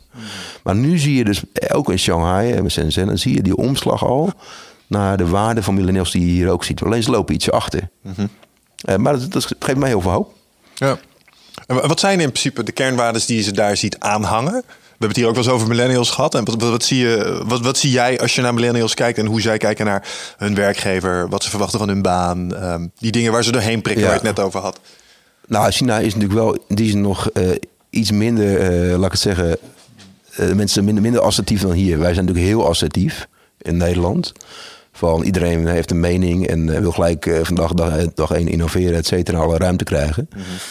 En eh, nou, hij heeft gewoon een ho- ho- hoog entitlement niveau, hè, bij hoge eisen. Ja, entitlement. Nou, dat dat is het nadeel van millennials, althans kun je ook als een voordeel zien, maar dat is in China veel, veel minder nog. Dus in die zin wat passiever, wat reactiever, wat hiërarchischer. Het is wel aan het veranderen, hè, in lijn met wat we hier zeg maar zien. Maar er is nog wel een flink gat. Ja. Dat is, maar kijk, wat, wat wel belangrijk is om te beseffen... China werkt in plannen van vijf à tien jaar. Bijvoorbeeld nu dat, dat hele passief, van passief naar actief als werknemer. Dus ook het hele onderwijssysteem. hè, Dat, eh, dat, dat ontwikkelen van zelfbewustzijn en creativiteit. Dat doen ze echt op een schaal. Dat is bijna niet te bevatten. Dus dat, dat, dat, krijgen ze ook voor elkaar. Hè. Dus over tien jaar zal dit waarschijnlijk heel anders zijn dan nu. Verwacht ik.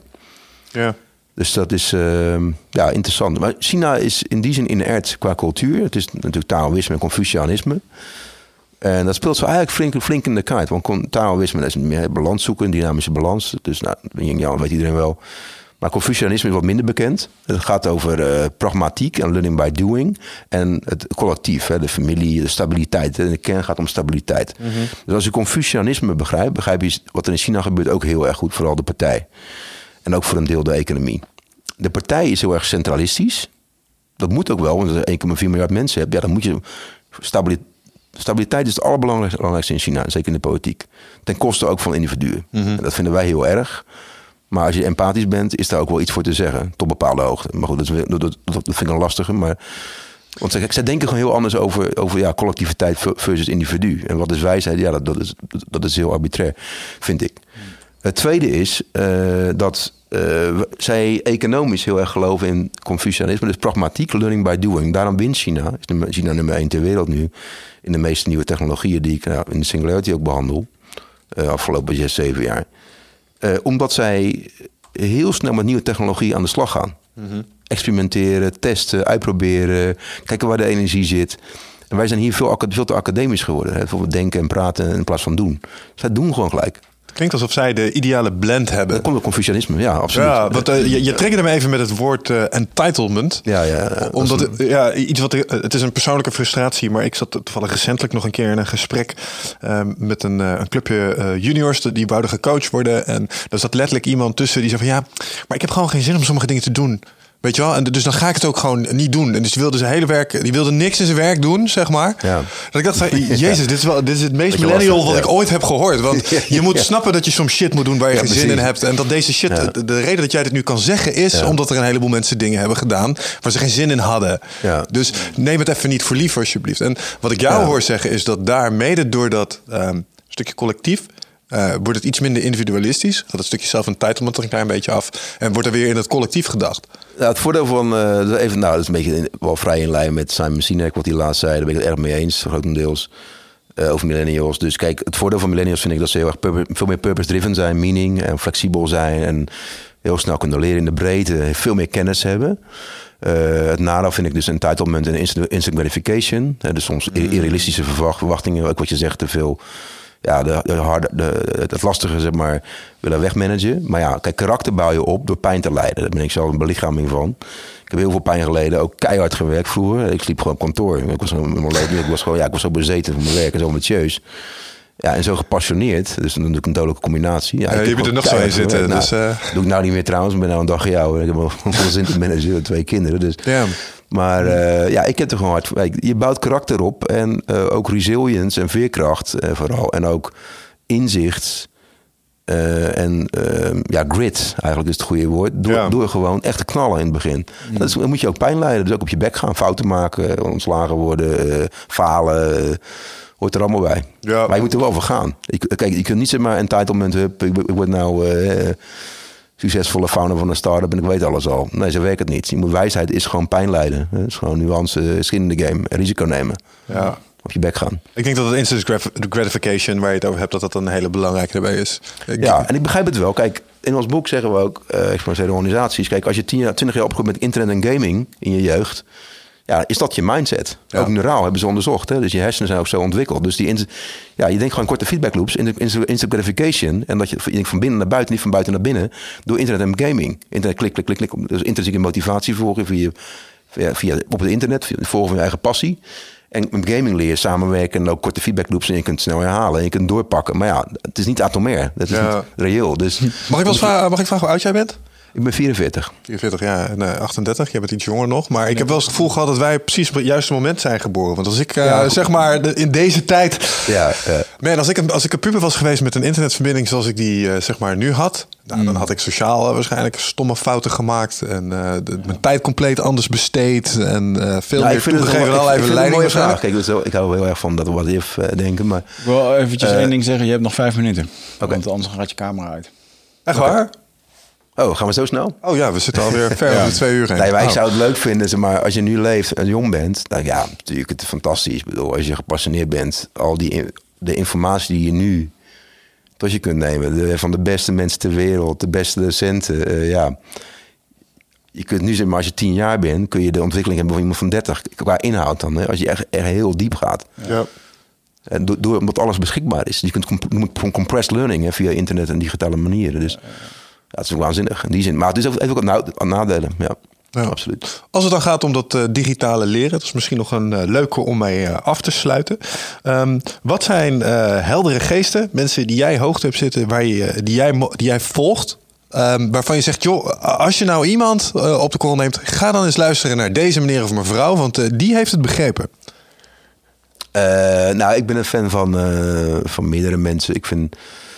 ehm, ja, ik vind inhoudelijk Nassim Taleb eh, boeiend. Er komt een mooi boek uit eh, in december, Skin in the Game. Dat is een van de problemen die Nederland eh, beheerst, vind ik. We hebben te veel mensen die geen, geen pijn voelen als ze bes- slechte besluiten nemen. Dus dan krijg je dus een soort ja, entropie in de Nederlandse economie en samenleving. Dat is echt een probleem. Geen accountability. Ja, precies. Dat is echt een groot probleem. Dus dat is een belangrijk boek. Eh, hij is ook van de Zwarte Zwaan en van eh, Antifragile, Antifragiel. Een kort, briljant hoe komt dat, dat mensen dat niet voelen? Is dat iets wat je jezelf aanleert? Nou, de Nederlandse samenleving is eh, op die manier ontwikkeld al nou de laatste over, afgelopen honderd jaar. Eh, De overheid is dominant geworden, eh, vind ik, in, in termen van nou ja, dat men, te veel mensen afhankelijk zijn van, van de overheid. Ja, ja. Terwijl eh, ja, als je een pure ondernemer bent, dan ben je eigenlijk een, een minderheid. En dan word je best wel, ja, best wel zwaar in Nederland in vergelijking met andere landen. Dus ja, dat, is, dat is een dingetje. Nou, andere denkers, eh, ik, ben, ik ben gecharmeerd eh, van Riet Hofman. Als mens ook vooral. Eh, een goede sociaal hart. Een visionair, fantastische boek geschreven. Die Lions of nou, Startup of You. Boeiende denker. Ehm, ik hou van Steve Jurvetson, dus een VC. Mark Andreessen uiteraard in the Valley. Dat vind ik interessante denkers. Eh, blijven zichzelf vernieuwen. Killing on their own darlings. Continuously. Ehm, ja, wie nog meer? Nou, ik ben ook geïnteresseerd eh, in Mr. Son. dus de, de CEO van Softbank. Dat is iemand die echt wel eh, interessante stappen neemt... Zeg maar, richting singularity en grote, grote investeringen doet. Dat is iemand... ja, wat nog meer? Ja, in Nederland vind ik meerdere mensen wel boeiend. Ik vind... eh nou, Imo Bosma ik, vind een bijzondere persoon. Die heeft me erg geholpen. Ik kijk nu al een jaartje of twintig geloof ik. Ja, iets meer. Van de universiteit. Hij is ook bij huis gewerkt, Media Republic, et cetera. Nu bij, uh, bij Neco.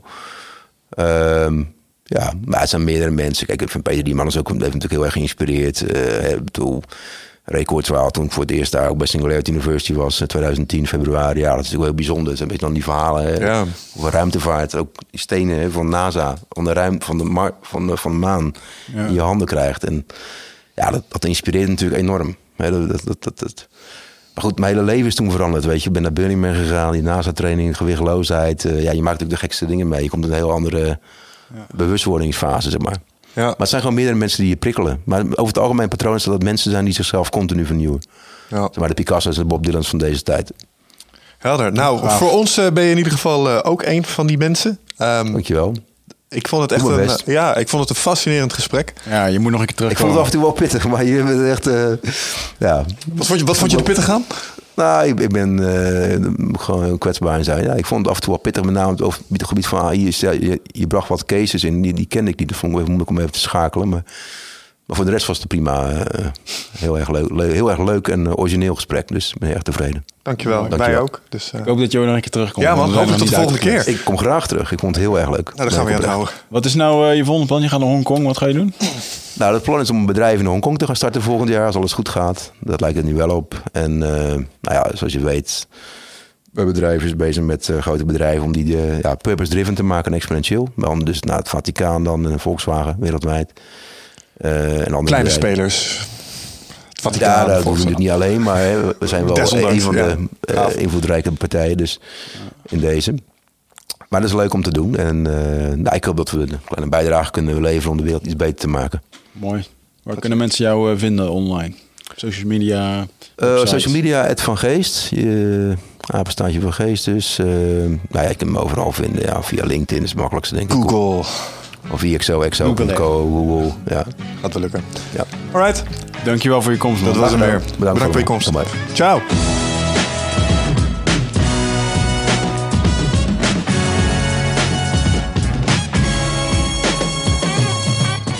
Camera 2. That's it. En camera 3. Dat is voor onze eh, audio- eh, of eh, video-specialist. Die kan het dan later makkelijk zinken. Videospecialist. Nu hoort hij dit en dan geef je me veel te veel credit. joh. Ja, Maurice, niet naar je schoenen gelopen, jongen.